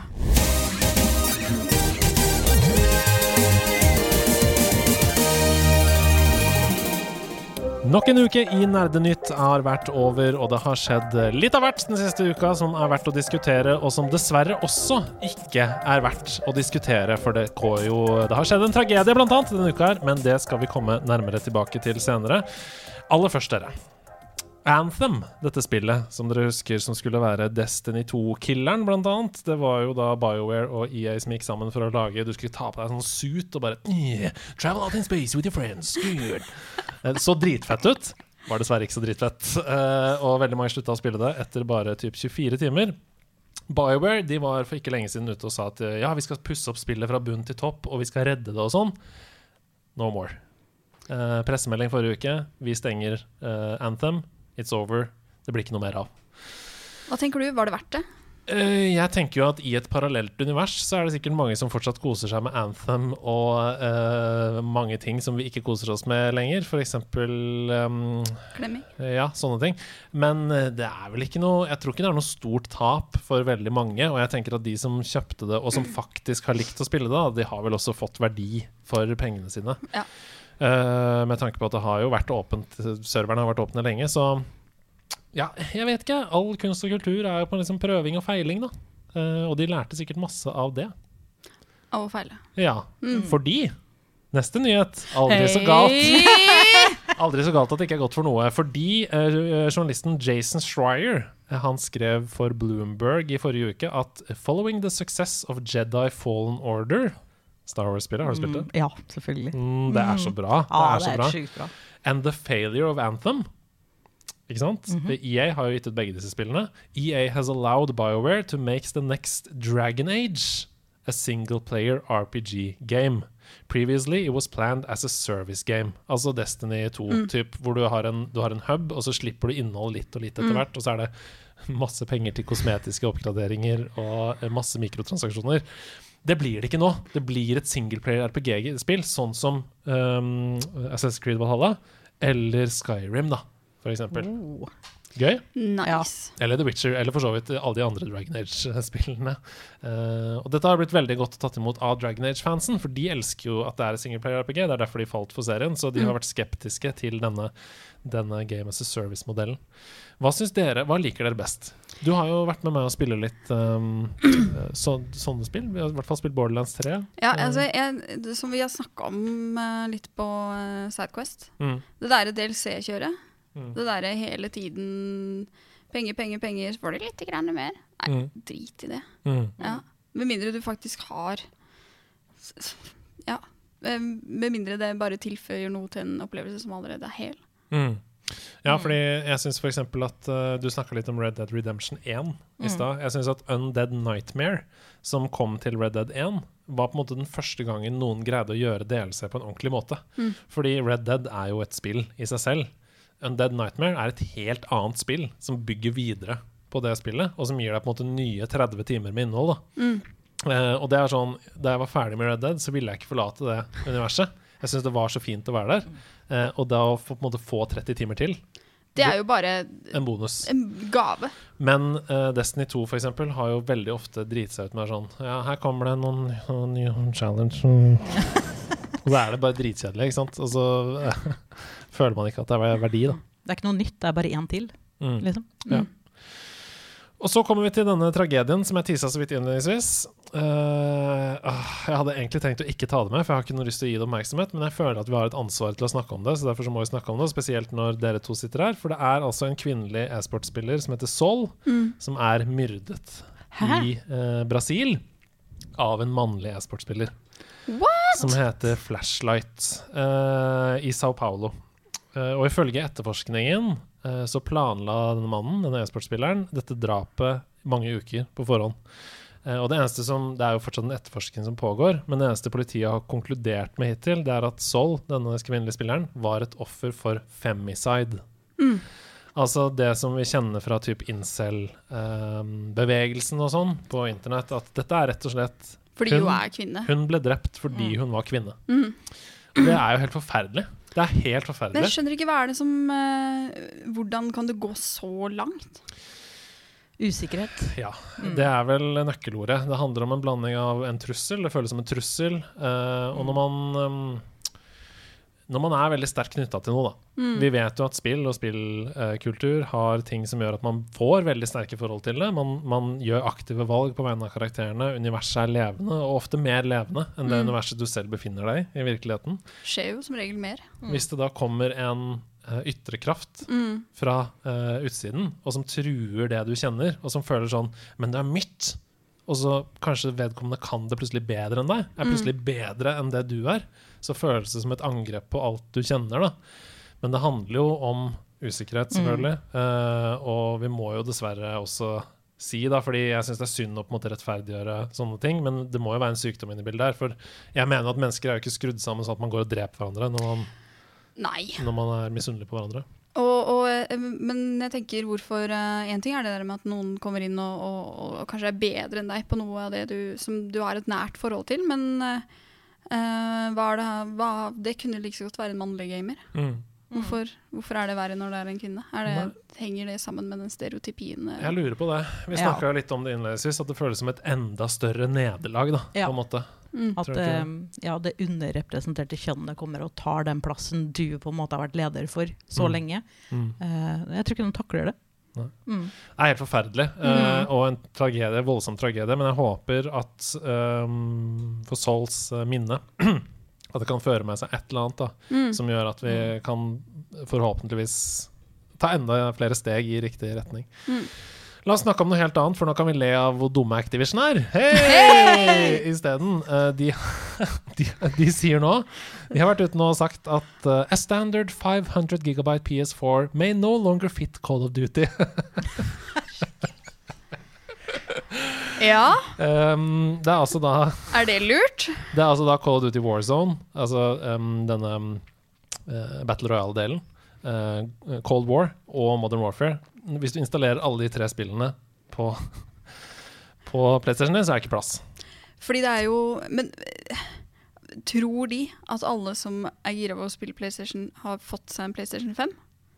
Ja, jeg vet ikke hva de Nei. tror. Jeg, jeg Nei. tenker at det er jo veldig fryktelig dårlig optimalisert her. da Det eneste de har hatt å si til dette uh, i ettertid, er Should you have both games installed and have kept up to date with updates, you may need to delete some unused game content. To have a suc- successful download and install of the Warzone patch. Og Det er helt sjukt. Det betyr at de sier sånn Du må dessverre slette deler av singleplayer-kampanjen hvis du har lyst til å spille multiplayer. Det er jo Det er jo helt på trynet. Er vi ikke i 2021, da? Jo, men det er jo bare Altså, Man kan jo si ja, men det spillet er så stort, og det er så mye ting og sånn, men Kom igjen, da. Red, Kom igjen, da. Red Dead Redemption 2 tar jo ikke Ja. De klarte jo bedre, liksom. Det, det må jo være Cyberpunk er også svært. Det tar ikke liksom 500 gigabyte. Hva er det de skal Nei, det gir ikke mening. Nei. Helt til slutt i nyhetsspalten. uh, Elden Ring, har dere hørt om det spillet?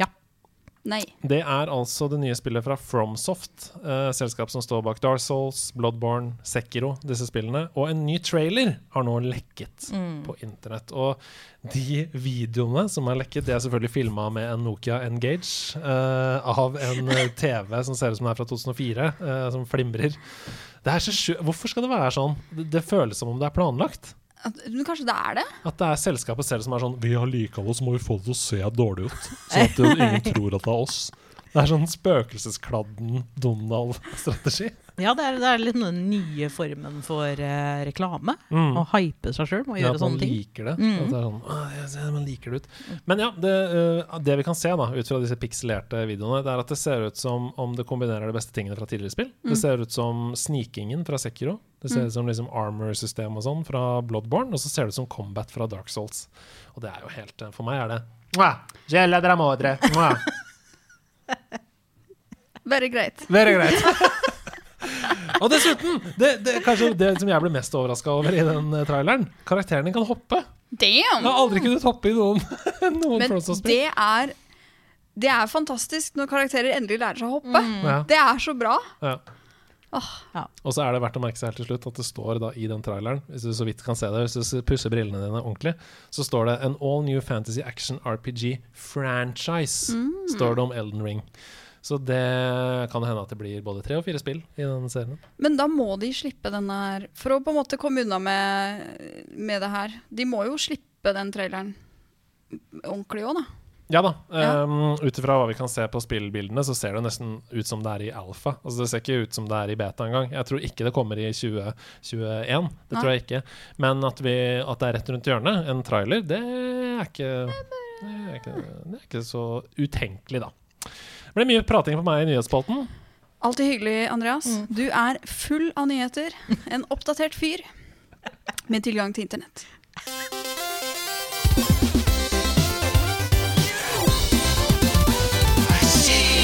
Lit eller skit? Oi!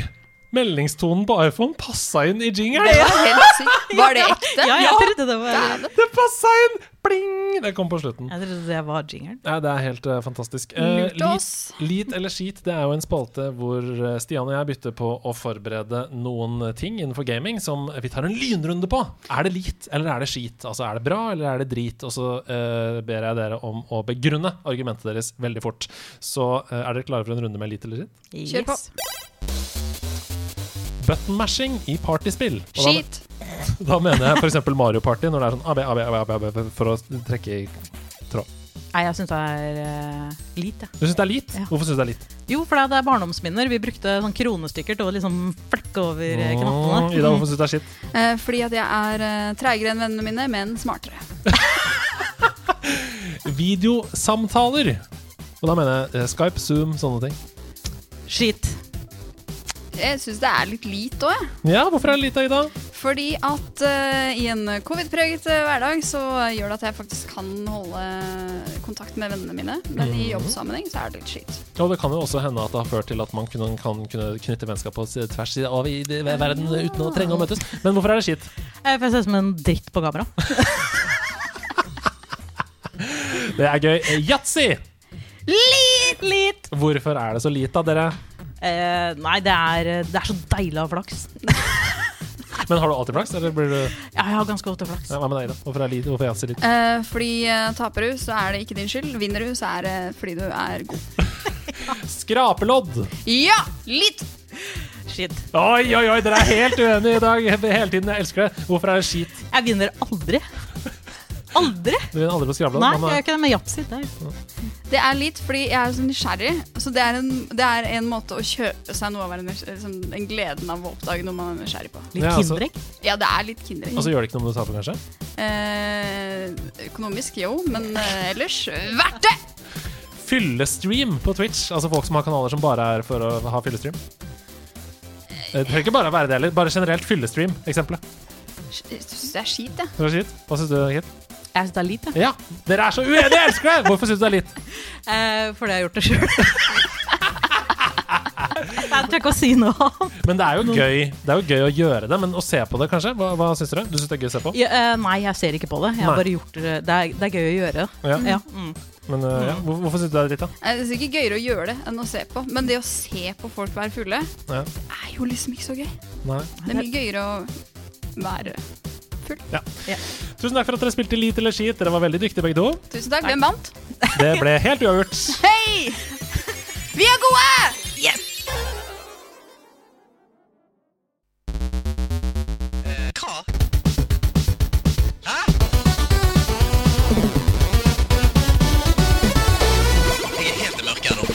Hjertelig velkommen til Bit for bit, gameshowet som får både Ivar Dyrhaug og Atle Pettersen til å krype tilbake i skyggene. Vi er nemlig mye, mye bedre her i studio, um, der hvor vår nydelige eminente lytter Kjaus har funnet ut at i gamle Nintendo-spill og i gamle Super Nintendo-spill så er rett og slett musikken bygget opp lagvis. Det betyr at istedenfor at spillet sier til koden uh, 'spill av denne lydfilen', så sier den 'spill av disse tre lydfilene på likt'. Eh, med andre ord så kan vi ha en slags bit for bit-aktig konkurranse her i studio. Med andre ord bit for bit. Der hvor jeg først kan spille av det første tracket, dernest det andre tracket, og til slutt det tredje tracket, så det kombinerer en slags til en nydelig låt. Og dere skal gjette på hvilket spill det er vi skal fram til. Yes. Dere får tre poeng for å klare hvilket spill det er i første ledd, to poeng i andre ledd og ett poeng i da siste ledd. Får vi poeng for å møte opp? Mm, nei. Jeg Men disse poengene kan dere bruke til masse fint i butikken på We. Uh, det er Weverse, det er Me, der hvor du har sånn dun, dun, dun, dun, dun, dun, dun, dun. Ja, Der kan du bruke poengene dere. Um, eh, dere må rope navnet deres når dere vet hvilket spill det er vi er ute etter. Her kommer den første lydfilen i det første spillet.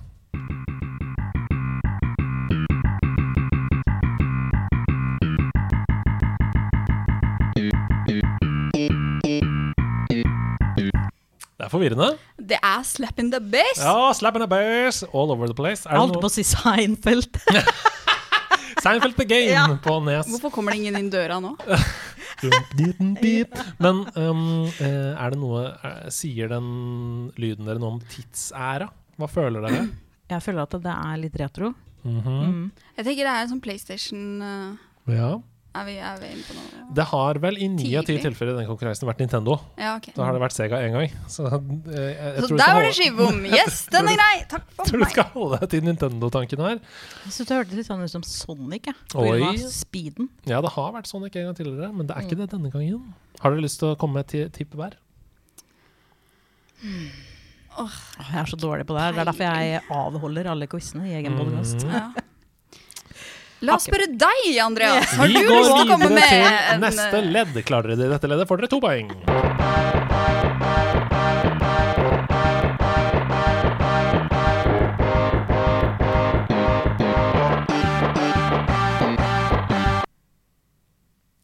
Er det et bilspill? Å nei, det er ikke det.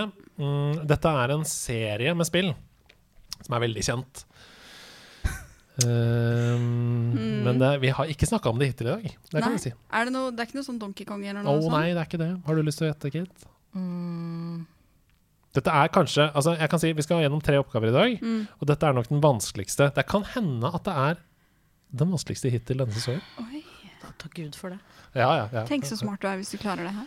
Jeg kan si at jeg spilte av disse for Camilla før vi dro. Jeg skal forresten hilse til dere begge to. Åh, koselig. Uh, ja, ja, ja, girl power. Um, hun klarte ikke denne. Nå har vi muligheten til å være bedre enn Camilla. Mm. Uh, og det skal godt gjøres. Ehm, jeg har jo så mange spillhull, så jeg er så utrolig Og pluss at det var sånn unge som ikke hadde lyder på spillet når jeg spilte. Vet du, for Mm. hadde jeg måttet være stille. Jeg tror vi går til neste oppgave. Dette er altså fortsatt samme spill, Ja. men uh, da ett poeng for å klare denne.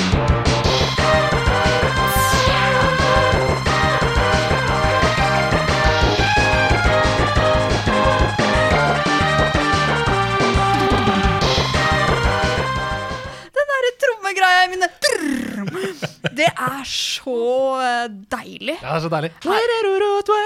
Oi, feil toneart, men ja. Er vi i Jeg space? syns, jeg, jeg syns det er så ille sånn eh, bilspill, motorsykkelspill. ja. sånn- Jeg skjønner hva du ja. mener. Men dette spillet her, um, musikken her markerer vel også kanskje at det er en ny start for serien.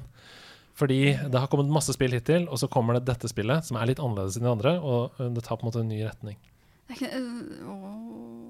Si hva du tenker på. Jeg tenkte, Er det noe sånn Super Smash eller noe sånt? Nei, men du er ikke langt unna. Denne Nei. karakteren har jo uh, vært i Super Smash.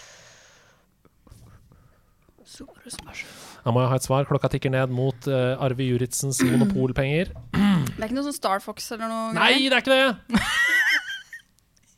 Vi skal til Vi skal til Hvor skal vi, Kit? Uh, vi skal til Banjo Kazooie! Nei! Vi skal til Megaman X! Megaman! Det er Heldigvis. Megaman X på Super Nintendo.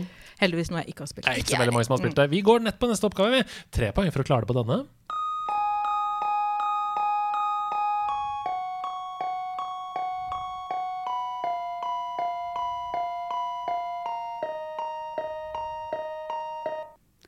Jeg tenkte med en gang Pokémon. Det er ikke Pokémon. Jeg tenkte Selda. Zelda. Det er riktig! Nei! Men hvilken Zelda er det? Uh, er det Twilight Princess? Det er ikke Twilight Princess. Du har fått Ja, juryen er, øh, er fortsatt på juryrommet for å diskutere om du har fått tre poeng her, for vi må ha riktig spill. Det er så mange Zelda-spill. Du kan ikke spille den på nytt, ikke sant? Nei.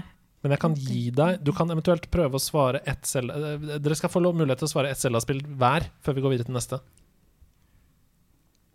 Um, er det Skyward Sword? Nei, det er det ikke.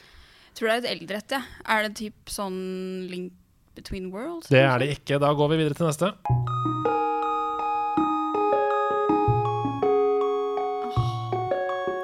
Er det Ocarina of Time? Nei, det er det ikke. Hva Er det ikke blant de store, kanskje? Hva med deg? Er det Majora's Mask? Nei, det er det ikke. Her kommer tredje. Her kommer tredje. Er det Soras uh... Er det Skyward Sword? Nei, det er det ikke. Men denne melodien er jo gjenkjennbar i de aller fleste den Zelda-spillene. eh, Det er ofte menymusikken, Ja. eller Sora's Domain. I Ja. Breath of the Wild så er det når Ja. uh, Da man kommer opp av uh, hun feen. Men det er også i, um, i Ocarina of Time med feen. Men det, menymusikken er det ofte. Mm. Det Link Hvor- to the Past? Ja! Det er A Link to the Past! Og det er menymusikken i The Link to the Past. Gratulerer! Du har ett poeng. Her kommer den siste oppgaven. Det er mulig å hente tre, to eller ett poeng. Husk å rope navnene. Kit. Er det Conquer's Bad for Day? Nei.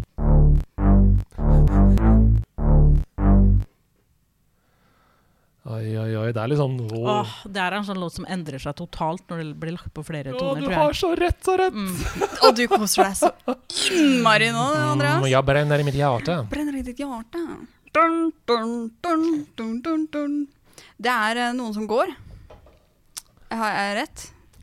Du tenker på Family bom, bom.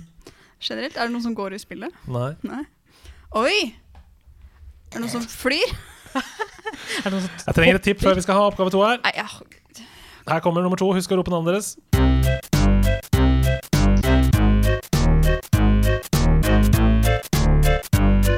Ida? Thomas-toget? Kødder du med trynet mitt?! Thomas-toget på Med andre ord, det er ingen som går i dette spillet! De er jo på skinner hele tida! Hype train! Faktisk. Kødder du? Oi, oi, oi. Thomas Toget sitt eneste offisielle spill. Jeg tenkte det, det kan ikke være mulig. Det er jo helt fantastisk, Ja, dere. Gratulerer med dagen, Ida. Du vinner altså med tre poeng mot null poeng. Eh, gå og bruk dem på et nytt kostyme på Mevers.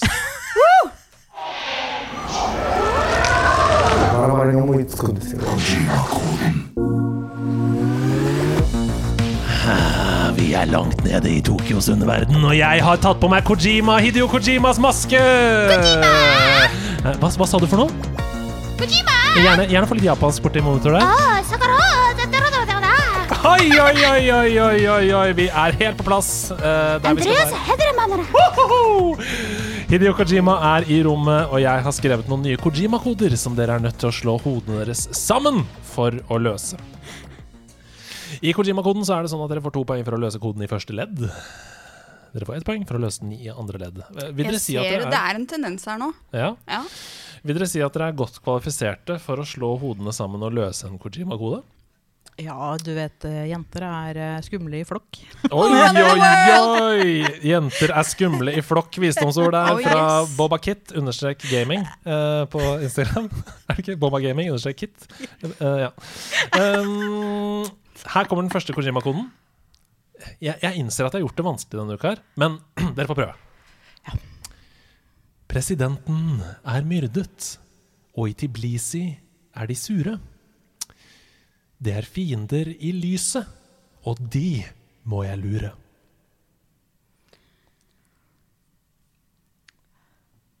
Er dette et dårlig tidspunkt å spørre hva egentlig denne leken går ut på?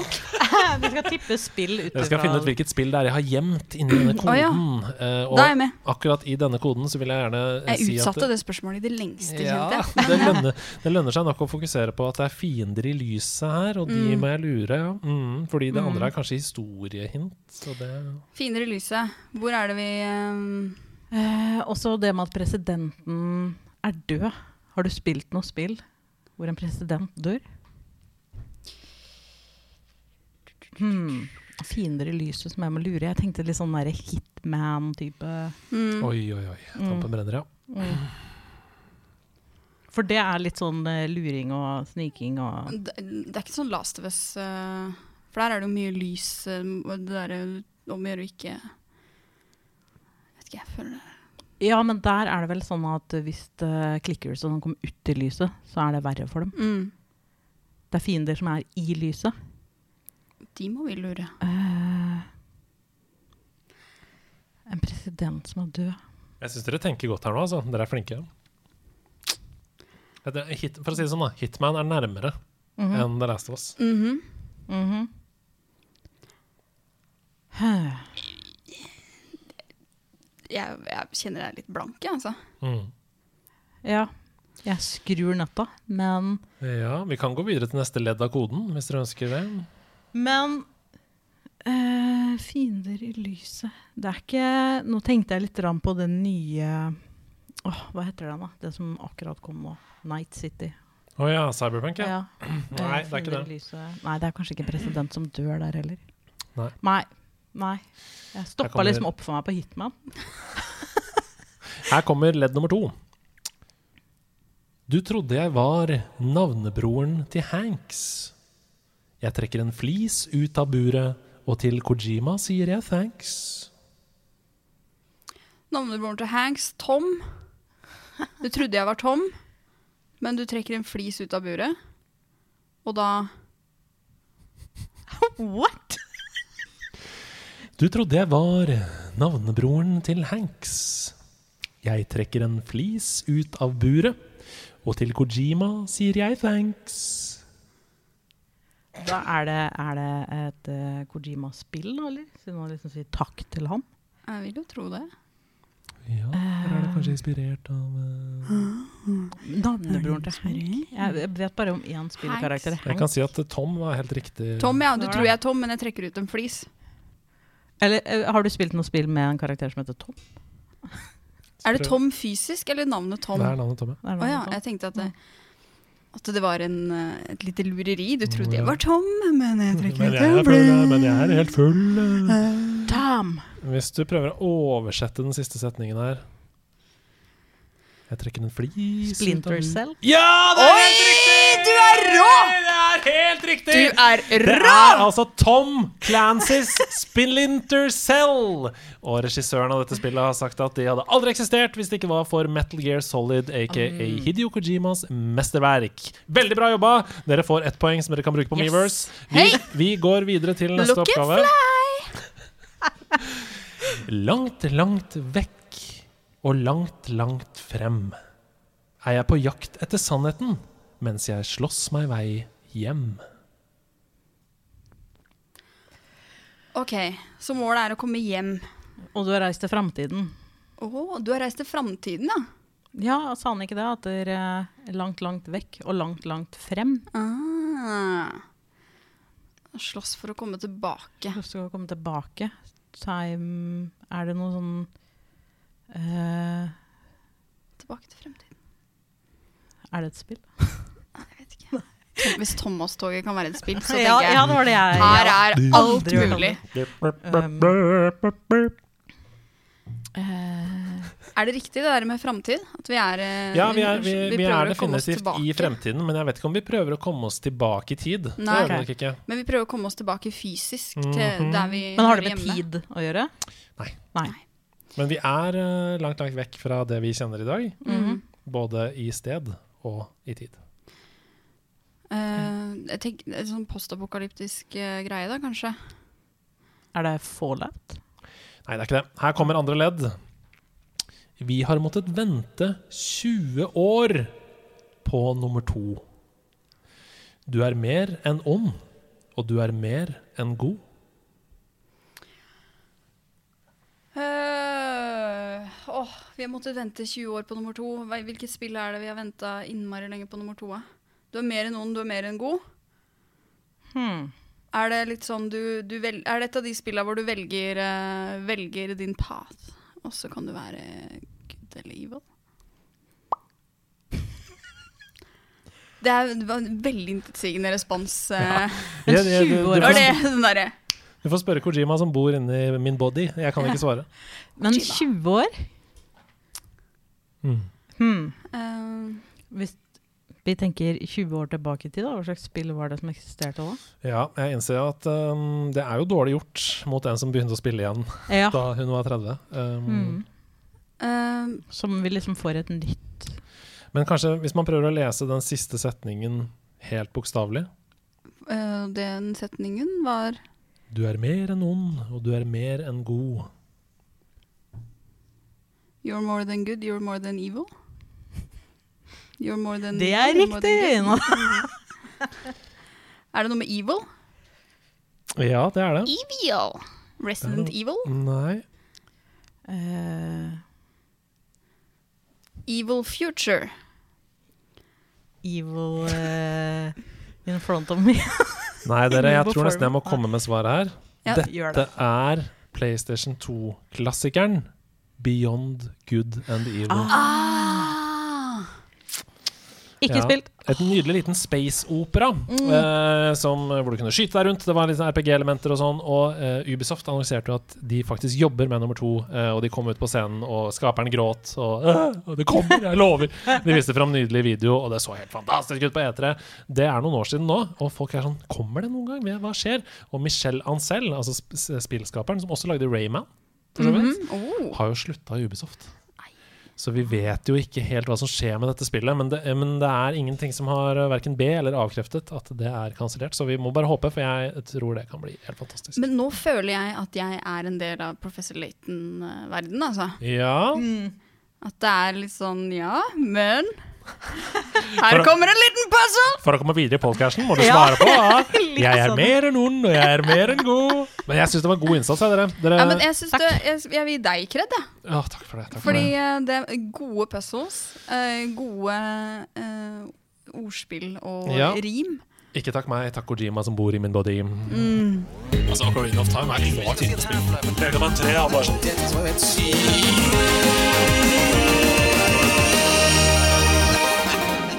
det holdt seg? Ja, ja, ja, ja, ja, ja, ja, ja, ja, ja, ja, ja, ja. I Har det holdt seg, så eh, dekker vi jo da eh, denne sesongen eh, 30, eller 25, husker jeg ikke, eh, av de beste spillene gjennom tidene som er mer enn ti år gamle, for å se om de har holdt seg. Og denne uken så har vi spilt Bioshock. Og Bioshock det er et 14 år gammelt førstepersons skytespill fra 2007. Det har RPG og skrekkelementer. Eh, Det har 96 av 100 på Metacritic Damn. og ligger med det som tidenes 18. beste spill noensinne. Eh, Peter Suderman han skrev i eh, tidsskriftet Vox i 2016 at Bioshock var det første spillet som demonstrerte at spill kunne være kunstverk. Og uh, i flere ulike sammenhenger, bl.a. av The Smithsonian i London, uh, trekkes spillet frem som et av de første eksemplene på spillmediets modning. Nå er vi gått fra liksom uh, skyte hverandre i fjeset uten mål og mening, til å skyte hverandre i fjeset med mening. Uh, det banet vei i kampen for å anerkjenne spill da, som kulturuttrykk. Um, og spillets plot twist mot slutten regnes isolert sett for å være et av de sterkeste øyeblikkene historiefortellingsmessig noensinne i spill. Eh, og Det øyeblikket det har farget videre inn i populærkulturen, bl.a. i TV-serien Black Mirror. Så er det en episode som heter Playtest, som bruker da den mest kjente replikken fra dette øyeblikket. Men har det holdt seg? Det er jo spørsmålet vi stiller. Og har du fått spilt det denne uka her? Kittolinen? Det har jeg. Oh, hva syns du? Um, helt ærlig. nå visste jo ikke jeg alt det som du sa om det spillet her nå. nei. nei, nei. Men uh, som jeg nevnte litt, så er jo jeg på en måte Nå har jeg jo spilt masse masse spill de siste to åra. Og du Mm. kan tenke deg alle de spillene folk foreslår at jeg skal spille, er jo bare dritbra spill. Mm. Så Men da er jo du helt perfekt uh, på en måte testobjekt, Mm. for du spilte det ikke da det kom, du har tatt det opp nå, og derfor så er du på en måte nøytral. ja, det, det, det kan man jo si. Jeg har spilt Bioshock Infinite, Mm. eh, så jeg kunne på en måte sammenligne litt med det. Mm. Eller at jeg spilte så mye, er jo å ta i. Celine spilte jeg så på, kanskje. Men uh, for meg så var det sånn um, Ta oss med til hvor det begynner. Hvor, hvor begynner det? Hva Ja, skjer? altså uh, Jeg syns jo ikke spillet ser så gæli ut, og jeg blir dratt inn i historien med en gang. Mm. Uh, jeg syns det er litt skummelt. Det er dritskummelt. Ja, Jeg eh, så jeg ble litt sånn der Å, herregud. jeg sitter ikke i stua og spiller det alene, så jeg ikke har henta samboeren min, liksom. Perfekt. Så vi satte oss ned og spilte litt sammen. og jeg syns at For det første så spiller jeg jo ikke FPS-spill. Mm. Og i hvert fall ikke på konsoll. Jeg spiller jo bare Overwatch. eh, og sånne skytespill spiller jeg bare på PC. Mm. Så å spille det her er på en PlayStation var kjempevanskelig. Ja. Eh, og når det er så vanskelig så tidlig i spillet, så skal det godt gjøres at du blir sittende. Pluss at ehm, det var, i hvert fall for min del, så var det veldig delay eh, når jeg skulle slå eller skyte eller Ja. sånne ting. Så på en måte tok jo kjempelang tid før det responderte. Eh, jeg syns også at ehm, jeg, jeg ble ganske kvalm av å spille Det Ja, det. Men det er jo pga. den styringa av kameravinkelen som er litt delay på. Mm. Eh, og når det fyker folk rundt deg og du skal skyte og sånne ting vi, Både jeg og samboeren min ble uvel og, Ja. og måtte skru det av. Det funka helt fint når det er de puzzlesa på de røra og sånn. Det var kjempekult. Mm. Men eh, for meg så er det uspillbart. Ja. Ja. Men du spilte, spilte du remaster, eller den første? Den første. Du spilte den første? Jeg gjorde det. Mm. Skjønner. Ok, Hva med deg, eh, Idis? Altså, Du fikk jo beskjed i dag morges om å være gjest i denne podcasten, så jeg kan ikke kreve at du har spilt eh, Bioshock den uka her. Nei. Jeg har, vært på, jeg har hatt jobb. Jeg har en jobb på dagtid, så jeg har ikke spilt Aktiv på dagtid. aktiv på dagtid, Ja. aktiv på kveldstid. Men har du fått sett noe video? Har du fått kikka ut på Ja, jeg uh, kikka jo litt på det og sjekka det litt ut. Mm. Uh, jeg må jo si eh, Jeg kan jo ikke kommentere på eh, spillopplevelsen på den måten. Mm. Men uh, når det kommer til um, grafikken, så tenker jeg For min del så, så er det ikke så lenge så lenge det funker, på en måte, så trenger det ikke å være full HD, så så Mm. bra grafikk. Så jeg syns grafikken det funker for meg. Mm. Uh, og um, det virker som eh, måten de har løst spillet på, også er Det er ikke avleggs, liksom. Det er, det er eh, Quests, og det er Jeg digger jo det litt sånn postapokalyptiske eh, vibe, og Mm. det å er under vann i tillegg er jo dritkult. Og Mm. hele det med at du får eh, til enhver tid sånn biter av historien eh, samtidig som du skal være aktiv og, og gjøre litt eh, missions. Eh, nei, jeg liker, jeg liker det. Jeg fikk lyst til å spille det. Mm. Og jeg Ja. tenker at det er et eh, spill jeg fikk lyst til å spille selv om eh, jeg har prøvd eh, nyere spill. Mm. Ja, for det er jo åpenbart at de som lagde dette spillet, hadde på en måte en visjon da de lagde det. Eh, det vi befinner oss i eh, på 60-tallet i USA, men eh, greia er jo at på 60-tallet i denne virkeligheten så finnes det en by under vann eh, som eh, ligner på en måte på Atlantis, denne legenden vi har. Der er det eh, i, i denne verden, som heter Rapture i, i Bioshock, så er det sånn steampunk-inspirert, og du går i store rør hvor på en måte havet fins på utsiden av der hvor du er og sånn. da. Og det er jo en slags sånn drøm som um, i hvert fall jeg har eh, levd med da jeg var barn. Jeg tenkte sånn, Tenk om det er noe. Tenk om det fins der ute. Det er liksom, Hva er det man sier? At fortsatt så er det sånn 80% av havet som er uoppdaget, eller noe sånt? Et eller annet sted der. Helt på dypet av Marianergropa, Ja, ja, ja. som er 8000 meter under vann. Det er sikkert mer 13 000-14 000 meter under vann. Det er mye dypere enn enn det høyeste fjellet. Uh, hva fins der, liksom? Rapture. Ja, for det, det, ikke sant? det er det Så- som er følelsen. Samtidig som du hele tiden har den derre Eller den tanken om um, I hvert fall jeg får det sånn der klaustrofobisk eh, og litt hele tiden sånn anspent uh, greie av det der med tanke på at du beveger deg i en verden der det som er utafor det konstruerte, kan drepe deg. Mm. Mm. Uh, så jeg så på litt sånn gameplay hvor de eh, Litt sånn walkthrough hvor røra sprekker, du begynner å fosse inn vann. Og det Mm. er jo en måte å få deg til å kjenne litt på at uh, Det er full panikk, liksom. Full panikk. Mm. Mm. Ja, eh, jeg syns jo for det første at eh, Bioshock er grusomt skummelt, da. Jeg, jeg dauer av det spillet. Eh, allerede tidlig når du kommer inn i spillet, så møter du da disse fiendene som heter Little Sister og Big Daddy, er det vel? Big Daddy, ja. Og Little Sister samler jo da på, på en måte noe som heter Jeg husker ikke helt hva det heter. som ligner på blod. Adam. Ja, Adam, ja. Mm. Mens Big Brother beskytter henne. Mm. Big Daddy beskytter henne mens hun uh, gjør det. Og Det som er fint med det spillet, er at du kan jo ta et veivalg her. Om du ønsker å redde disse Little Sisters, eller uh, ikke redde dem eh, i løpet av spillet. Det virker ved første øyekast som et mye større og omfattende spill, men du kan komme fint gjennom på fire-fem timer. Eh, du kan se en longplay på YouTube hvis du ikke har lyst til å spille selv, av hele spillet. Og jeg er litt enig med deg i at originalspillet ikke funker spesielt bra lenger. Nei, altså jeg tenker at når det blir gjort en remaster, så er det gjerne en grunn til det. Mm. Det er at story har holdt seg, og konseptet av spillet har holdt seg, men ikke måten du spiller det på, kanskje. Mm. At det da blir en oppgradert versjon, da. Ja. Mm. Og jeg er har- en grunn til det. liksom. Jeg har nok også ganske friske øyne på dette, fordi jeg spilte Bioshock Infinite, var det første Bioshock-spillet jeg spilte, Mm. eh, og kom tilbake til Bioshock da remasteren kom, og spilte da det første spillet på nytt. Men nå har jeg da spilt det første spillet i ikke-remaster!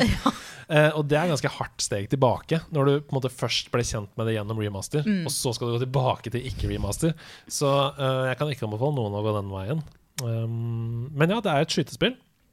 Det er dritskummelt. Mm. Uh, men jeg føler at min konklusjon blir at originalspillet ikke har holdt seg. Altså. Men de andre Bioshock-spillene, remasteren, har den holdt seg? Definitivt. Mm. For det blir på en måte da eh, Føler du det samme? Ja. Eh, For, for oppfølgingen blir jo da at uh, hvis du har lyst til å spille Bioshock, og det anbefaler jeg på det groveste Bioshock 1, 2 og Infinite er en nydelig trilogi som du kommer til å bli mind blown av mange ganger. Mm. Uh, og hvis du ikke skjønner det ditt når du er ferdig, så er ikke det så rart. Uh, det. så originalspillet, nei, det har ikke holdt seg. Men som du sier, spillet i seg selv, historien, Mm. sånne ting, de tingene har holdt seg. Så Ja. spill remaster, da vel. Mm. Finnes, det var vel faktisk gratis på PlayStation Plus for ikke så lenge siden. Bare gjør det, da. Ja, Bare gjør det. Bare gjør det, da. Få det på. Det blir spennende å høre hva vi skal spille neste uke. Kjør. Ja, ja, ja, ja, ja, ja, ja, ja, ja, ja, ja. Det er korktavlelyden vår, det. Um, og denne uka her så har vi jo heldigvis fått inn et korktavlespørsmål på eh, MP3. Nytt dilemma. Dere må velge mellom å kun spille nye spill som kommer fra dags dato og framover i tid, men aldri spill spill som har kommet, eller spill spill som har kommet opp til dags dato, og aldri spill nye spill. Og nei, du kan ikke jukse til, Stian. For velger du World of Warcraft, så får du ingen nye DLC-er etter Shadowlands. Det går egentlig for all MMO. Og ingen nye seasons i Apex Legends eller Fortnite etc. Som Ja. eh, Stian her, eh, jeg er Jeg liker ikke det begrensningene i det dilemmaet der, Nei. så jeg velger å gå utenom. ja. Det er altså Hans Christian som har sendt inn dette. Eh, og dilemmaet står altså da mellom eh, aldri spille spill som er utgitt før eller, eller etter da, denne datoen som vi har i dag. Um, ja, hva tenker dere? Det blir jo Overwatch-killer for deg, da. Ja. Åh, den er vanskelig, den der. Men heldigvis nå, da, så begynte jeg liksom å spille skikkelig for to år siden. Så det er ikke så mange titler jeg mister. Mm. Og verden, altså spillmediet, blir jo bare bedre og bedre. Og forhåpentligvis så får vi jo masse remasters og sånn, da. Mm. Mm, om 20 år, kanskje. Så Men er remasters tror jeg ikke går. Det tror jeg ikke går. Ah, det går ikke. Nei, det tror jeg ikke. Ja, det er jo det samme spillet. Ja, det er det samme spillet. Ja, Da blir det plutselig, plutselig veldig tungt på den ene siden. Fordi det er jo som du sier, da at alle spill som er på en måte bra fra 90-tallet, 2000-tallet, 2010-tallet, blir jo gitt ut på nytt. Ikke Eh, sant? Mm. Så vi, jeg tror vi må sette linja der, ja. At vi førstegangs utgivelse. Da kan jeg liksom aldri Hvis jeg velger en framtidig spill, så kan jeg liksom aldri spille The Last of Us igjen. Uff. Og, åh, den Kan er- aldri mer sortere post med på Flåklypa. Nei, men jeg tenker Jeg syns det er et lett dilemma. Ja. Jeg velger og Da velger jeg faktisk å kaste fortida. Mm. mm. Eh, til fordel for å meske meg i framtida. Mm. Uh, ja, man kan bli sentimental, og det er uh, Men så lenge man Jeg håper jo at jeg kan på en måte ivareta de minnene jeg har Ja. av at jeg har spilt, ja, ja, ja. eh, og glede meg over det. Ja. Uh, men Og uh, jeg tenker den derre banken av spill som kommer, Mm. og få være med på nye teknologi og utvikling. Mm.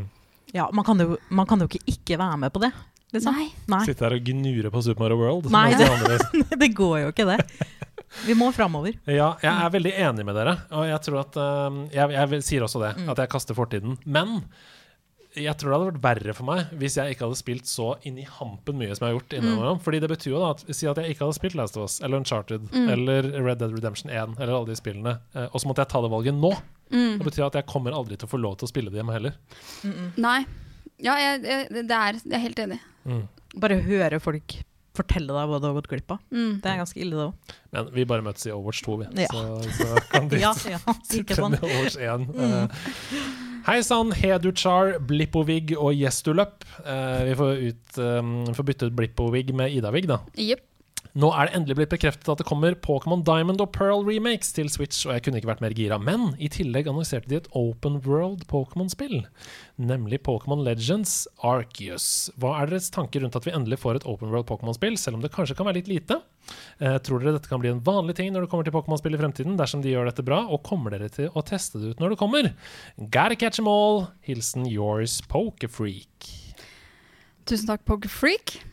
Jeg tenker, jeg syns det er veldig kult. Da. Mm, Og jeg tror hvis de får det her til å funke, Mm. så kan det være en uh, altså, ja, Pokémon-opplevelsen på en, et nytt uh, nivå. Mm. Mm. Jeg tenker det er litt Etter at de uh, Etter Pokémon Go Mm. så er det jo Man ser, så jo hvor bra det fungerte. Mm. Jeg bare håper at, ja, at det blir stort nok Uh, til at man kan få en, uh, en liksom god opplevelse av at ikke du, du føler at det er uh, mye restriksjoner. Da. Mm. Mm. Jeg tror det er en fin måte for dem å åpne opp pokerverden for eh, nye fans. Ja. Mm. Mm. Ja, jeg, jeg er helt enig i dette også. Um, jeg, jeg er litt lei av den måten Pokémon har Altså, de har basically gitt ut det samme spillet. De eh, har det. År etter år etter år, med noen nye Pokémons eh, og en ny historie. Men på en måte, fighting-systemet Altså, vi, um, det er ikke så store forskjeller på på måte Pokémon Sword og Mm. Pokémon Blå Nei. på Gameboy. Det er, jeg føler nesten at jeg har gjort det samme igjen og igjen. At Mm. nesten historien har vært nest, på en måte repetativ òg. Ja, det er gyms, og det er en eller annen som har gone bananas. Og, ja. Du skal ned i Powerplant og finne noe Snorlax. Og og du skal på en kirkegård og Ja. finne noe Ja, nei, jeg er helt enig. Ja. Jeg tror de trenger det her. Ja, Mm. jeg tror også det. Jeg er litt bekymra, though, Mm. for den videoen som kom fra traileren, fordi det så ganske mm, Jeg vet ikke helt hva man skal gjøre i det spillet. Det var sånn, Du gikk rundt i en åpen verden, og så tar du opp en pokéball og kaster ut i noe gress, og da fanga du en Pokémon. Og så tar du opp en annen Pokémon og kaster, og så begynner du å fighte med Jeg vet ikke, Det bare så litt sånn underutvikla ut. Jeg tenkte sånn Er dette egentlig et spill, eller hva? Jeg, jeg fikk Er ikke det, helt er det Pokémon Go bare du Hjemme. hjemme, liksom? Pokémon Go bare at du styrer en tredjeperson. Det er på en måte ikke deg. Mm. Du er Lenger? Nei, det føles litt rart, altså. Jeg er litt uh, skeptisk enda. Ja. Men, men jeg håper jo, som dere sier, at de finner på noe nytt. Så tenker jeg, funker det ikke, så uh, fins det masser av andre Pokémon-spill. Helt Ja. riktig. Hei, lærer på videregående skole her. Hei! Det er det flere som er. Ja. I engelskfaget så skal elevene analysere spill. Mhm. Visste du det? Uh, ja. Jeg kan svært lite om gaming selv, og jeg er på utkikk etter tips til såkalte narrative video games. Altså spill hvor det er en tydelig historie som fortelles. Elevene skal se på ting som setting, karakterer, plott og tema slash budskap. Har dere noen gode forslag på stående fot? Last Us. Ja, det har jeg skrevet òg. Jeg skrevet det her. Jeg tenker, uh, som, jeg tenker at dette er en gyllen mulighet til å starte et tverrfaglig samarbeid med f.eks. fag som eh, eh, historie eller eh, samfunnsfag eller Mm. altså eh, matte eller ja, Mm. andre, andre fag, da. eh, som du ser er relevant. For eksempel eh, er det Man kan knytte det samme historie med, med, med Assassin's Mm. Creed. eh, og, eller du kan knytte det til mattefag med ja, Puzzles. puzzles. Altså, Eller kanskje geografi med 90 Days. Mm. Det spillet hvor du skal For komme deg verden rundt på 90 dager. Ja. jeg Mm. syns det er uh, veldig lurt. Og uh, jeg var på um, faktisk et sånn digitalt uh, seminar om gaming i, i skolen. Mm. Og um, eh, det finnes mange gode spill der ute eh, til å bruke som Også elevene kan være delaktige, da. Mm. Jeg tror veldig på det å være involvere eh, elevene i, i spill. Mm. Eh, men klart, hvis målet er å analysere plott og, og narrativ og de tinga, så kjør et eh, godt eh, historiebasert spill. Mm. Der historien driver det framover. Har du eh, yrkesfag, så kan man kanskje kombinere det med type Minecraft eller Ja. Mm. Jeg tenkte på Life is Strange. Ja, Mm. det òg. Eller Tell Me Why. For eksempel. Mm. eh, spill som på en måte tar high school slash college-virkeligheten på alvor. Mm. Det tror jeg liksom eh, de kan, Det kan resonnere hos mange videregående-elever òg, da. Ja, ta opp litt viktige samfunnsdebatter eh, Mm. som legning, Mm. som eh, selvmord, mobbing, Mm. alle sånne ting. Og ikke minst, spoiler alert, uh, muligheten for hovedpersonen til å velge om igjen. Mm. For det er jo sånn når du går på videregående Herregud, så mange ganger jeg skulle ønske jeg kunne velge om igjen. Ja. Si sånn. uh, bare sånn, Hva om jeg kunne spolt tilbake i tiden og bare sagt noe annet til Mm. hen uh, som sto foran meg der, sånn at vedkommende ikke ble såra, liksom. Det er det hilsen hjernen-øyeblikka. Mm. Eh, så ja. eh, og så vil jeg bare slenge inn Detroit Become Human, kanskje. Ja. Å, herregud, ja. ja. For det vet jeg at du liker godt. Ja, det er en av mine favoritter, ja. Mm. Mm. Det også var litt sånn der, eh, blåst av banen. Hvorfor har jeg ikke vært gamer tidligere? Mm. Mm. Det er liksom da litt inn i fremtiden og AI og de eh, Mm. tingene rundt uh, etiske problemstillinger der, da. Håper du fikk noen tips.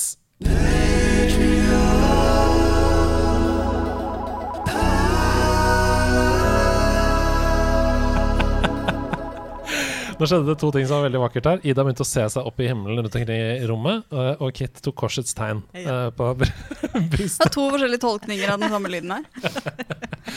Patron-perler er jo spalten hvor vi hyller de patron-backerne våre som er eh, i de øverste tiersene, 50 og 100 eh, dollar, med eh, ulike verk som Stian og jeg bytter på hver uke å lage.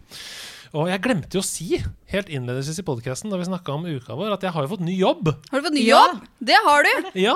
Gratulerer! Eh, Legg på noen applaus i post, for det er altfor lite applaus i studio.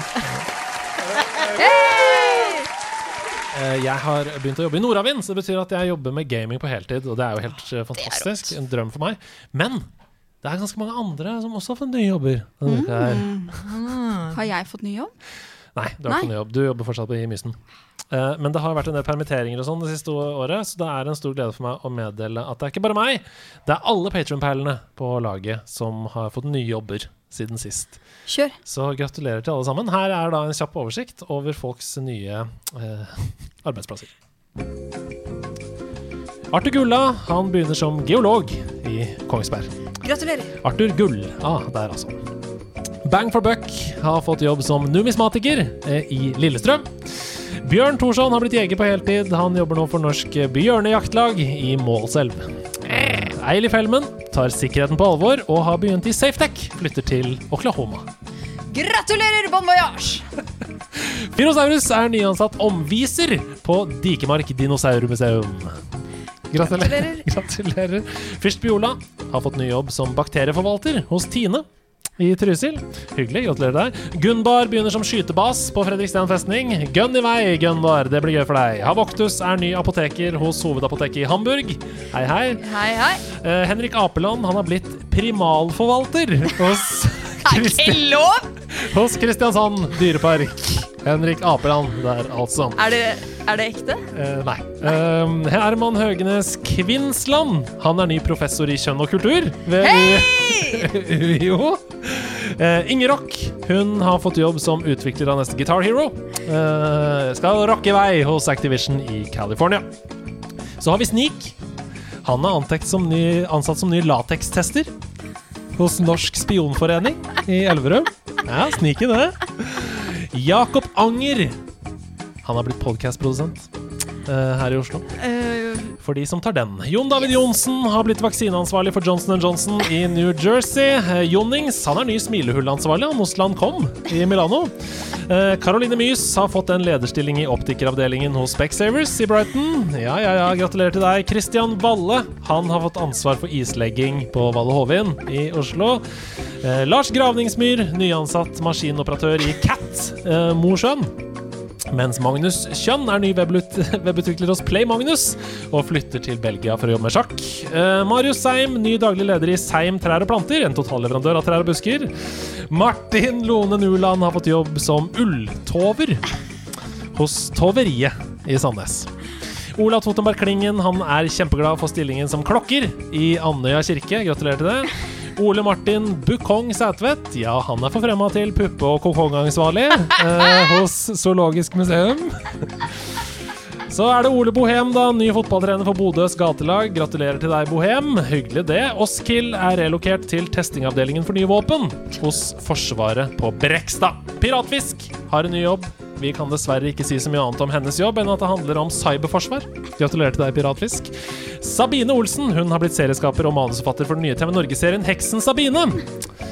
Gratulerer med det! Sigurd Gran har hovedansvaret for juletreproduksjonen han nå i Rømskog. Eh, Sigurd herlig. Gran han relokerer til Rømskog, det er deres trakter. Yes. Simen Folkvord forfremmet til cosplayansvarlig hos Folkemuseet på Bygdøy. Snorre Martinsen han har startet et helt eget reklamebyrå. Det heter Snipp Snapp, og har 100 av markedet på Svalbard. Sofia Bakke hun er nyansatt hos det norske sykkellandslaget, der hun har hovedfokus på optimalisering av stigningssykling. Eh, Sofia Bakke der, altså. Stig Ove Haugen er leder for utgravningene av den nyoppdagede vikinggraven i Valdres. Gratulerer til deg, Haugen. The Lizard slipper å jobbe. Han er en firfisle, så han slipper å jobbe.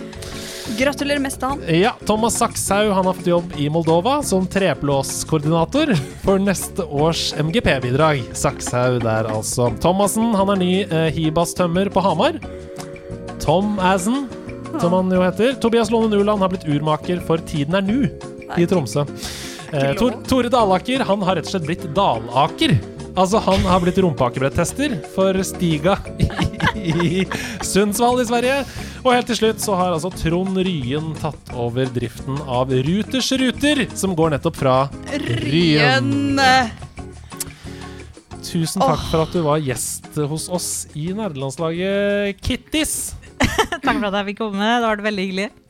En glede å eh, snakke med deg. I like måte. Og tusen takk for at du på tidenes korteste varsel steppet inn som tidenes beste gjesteprogramleder. Ina.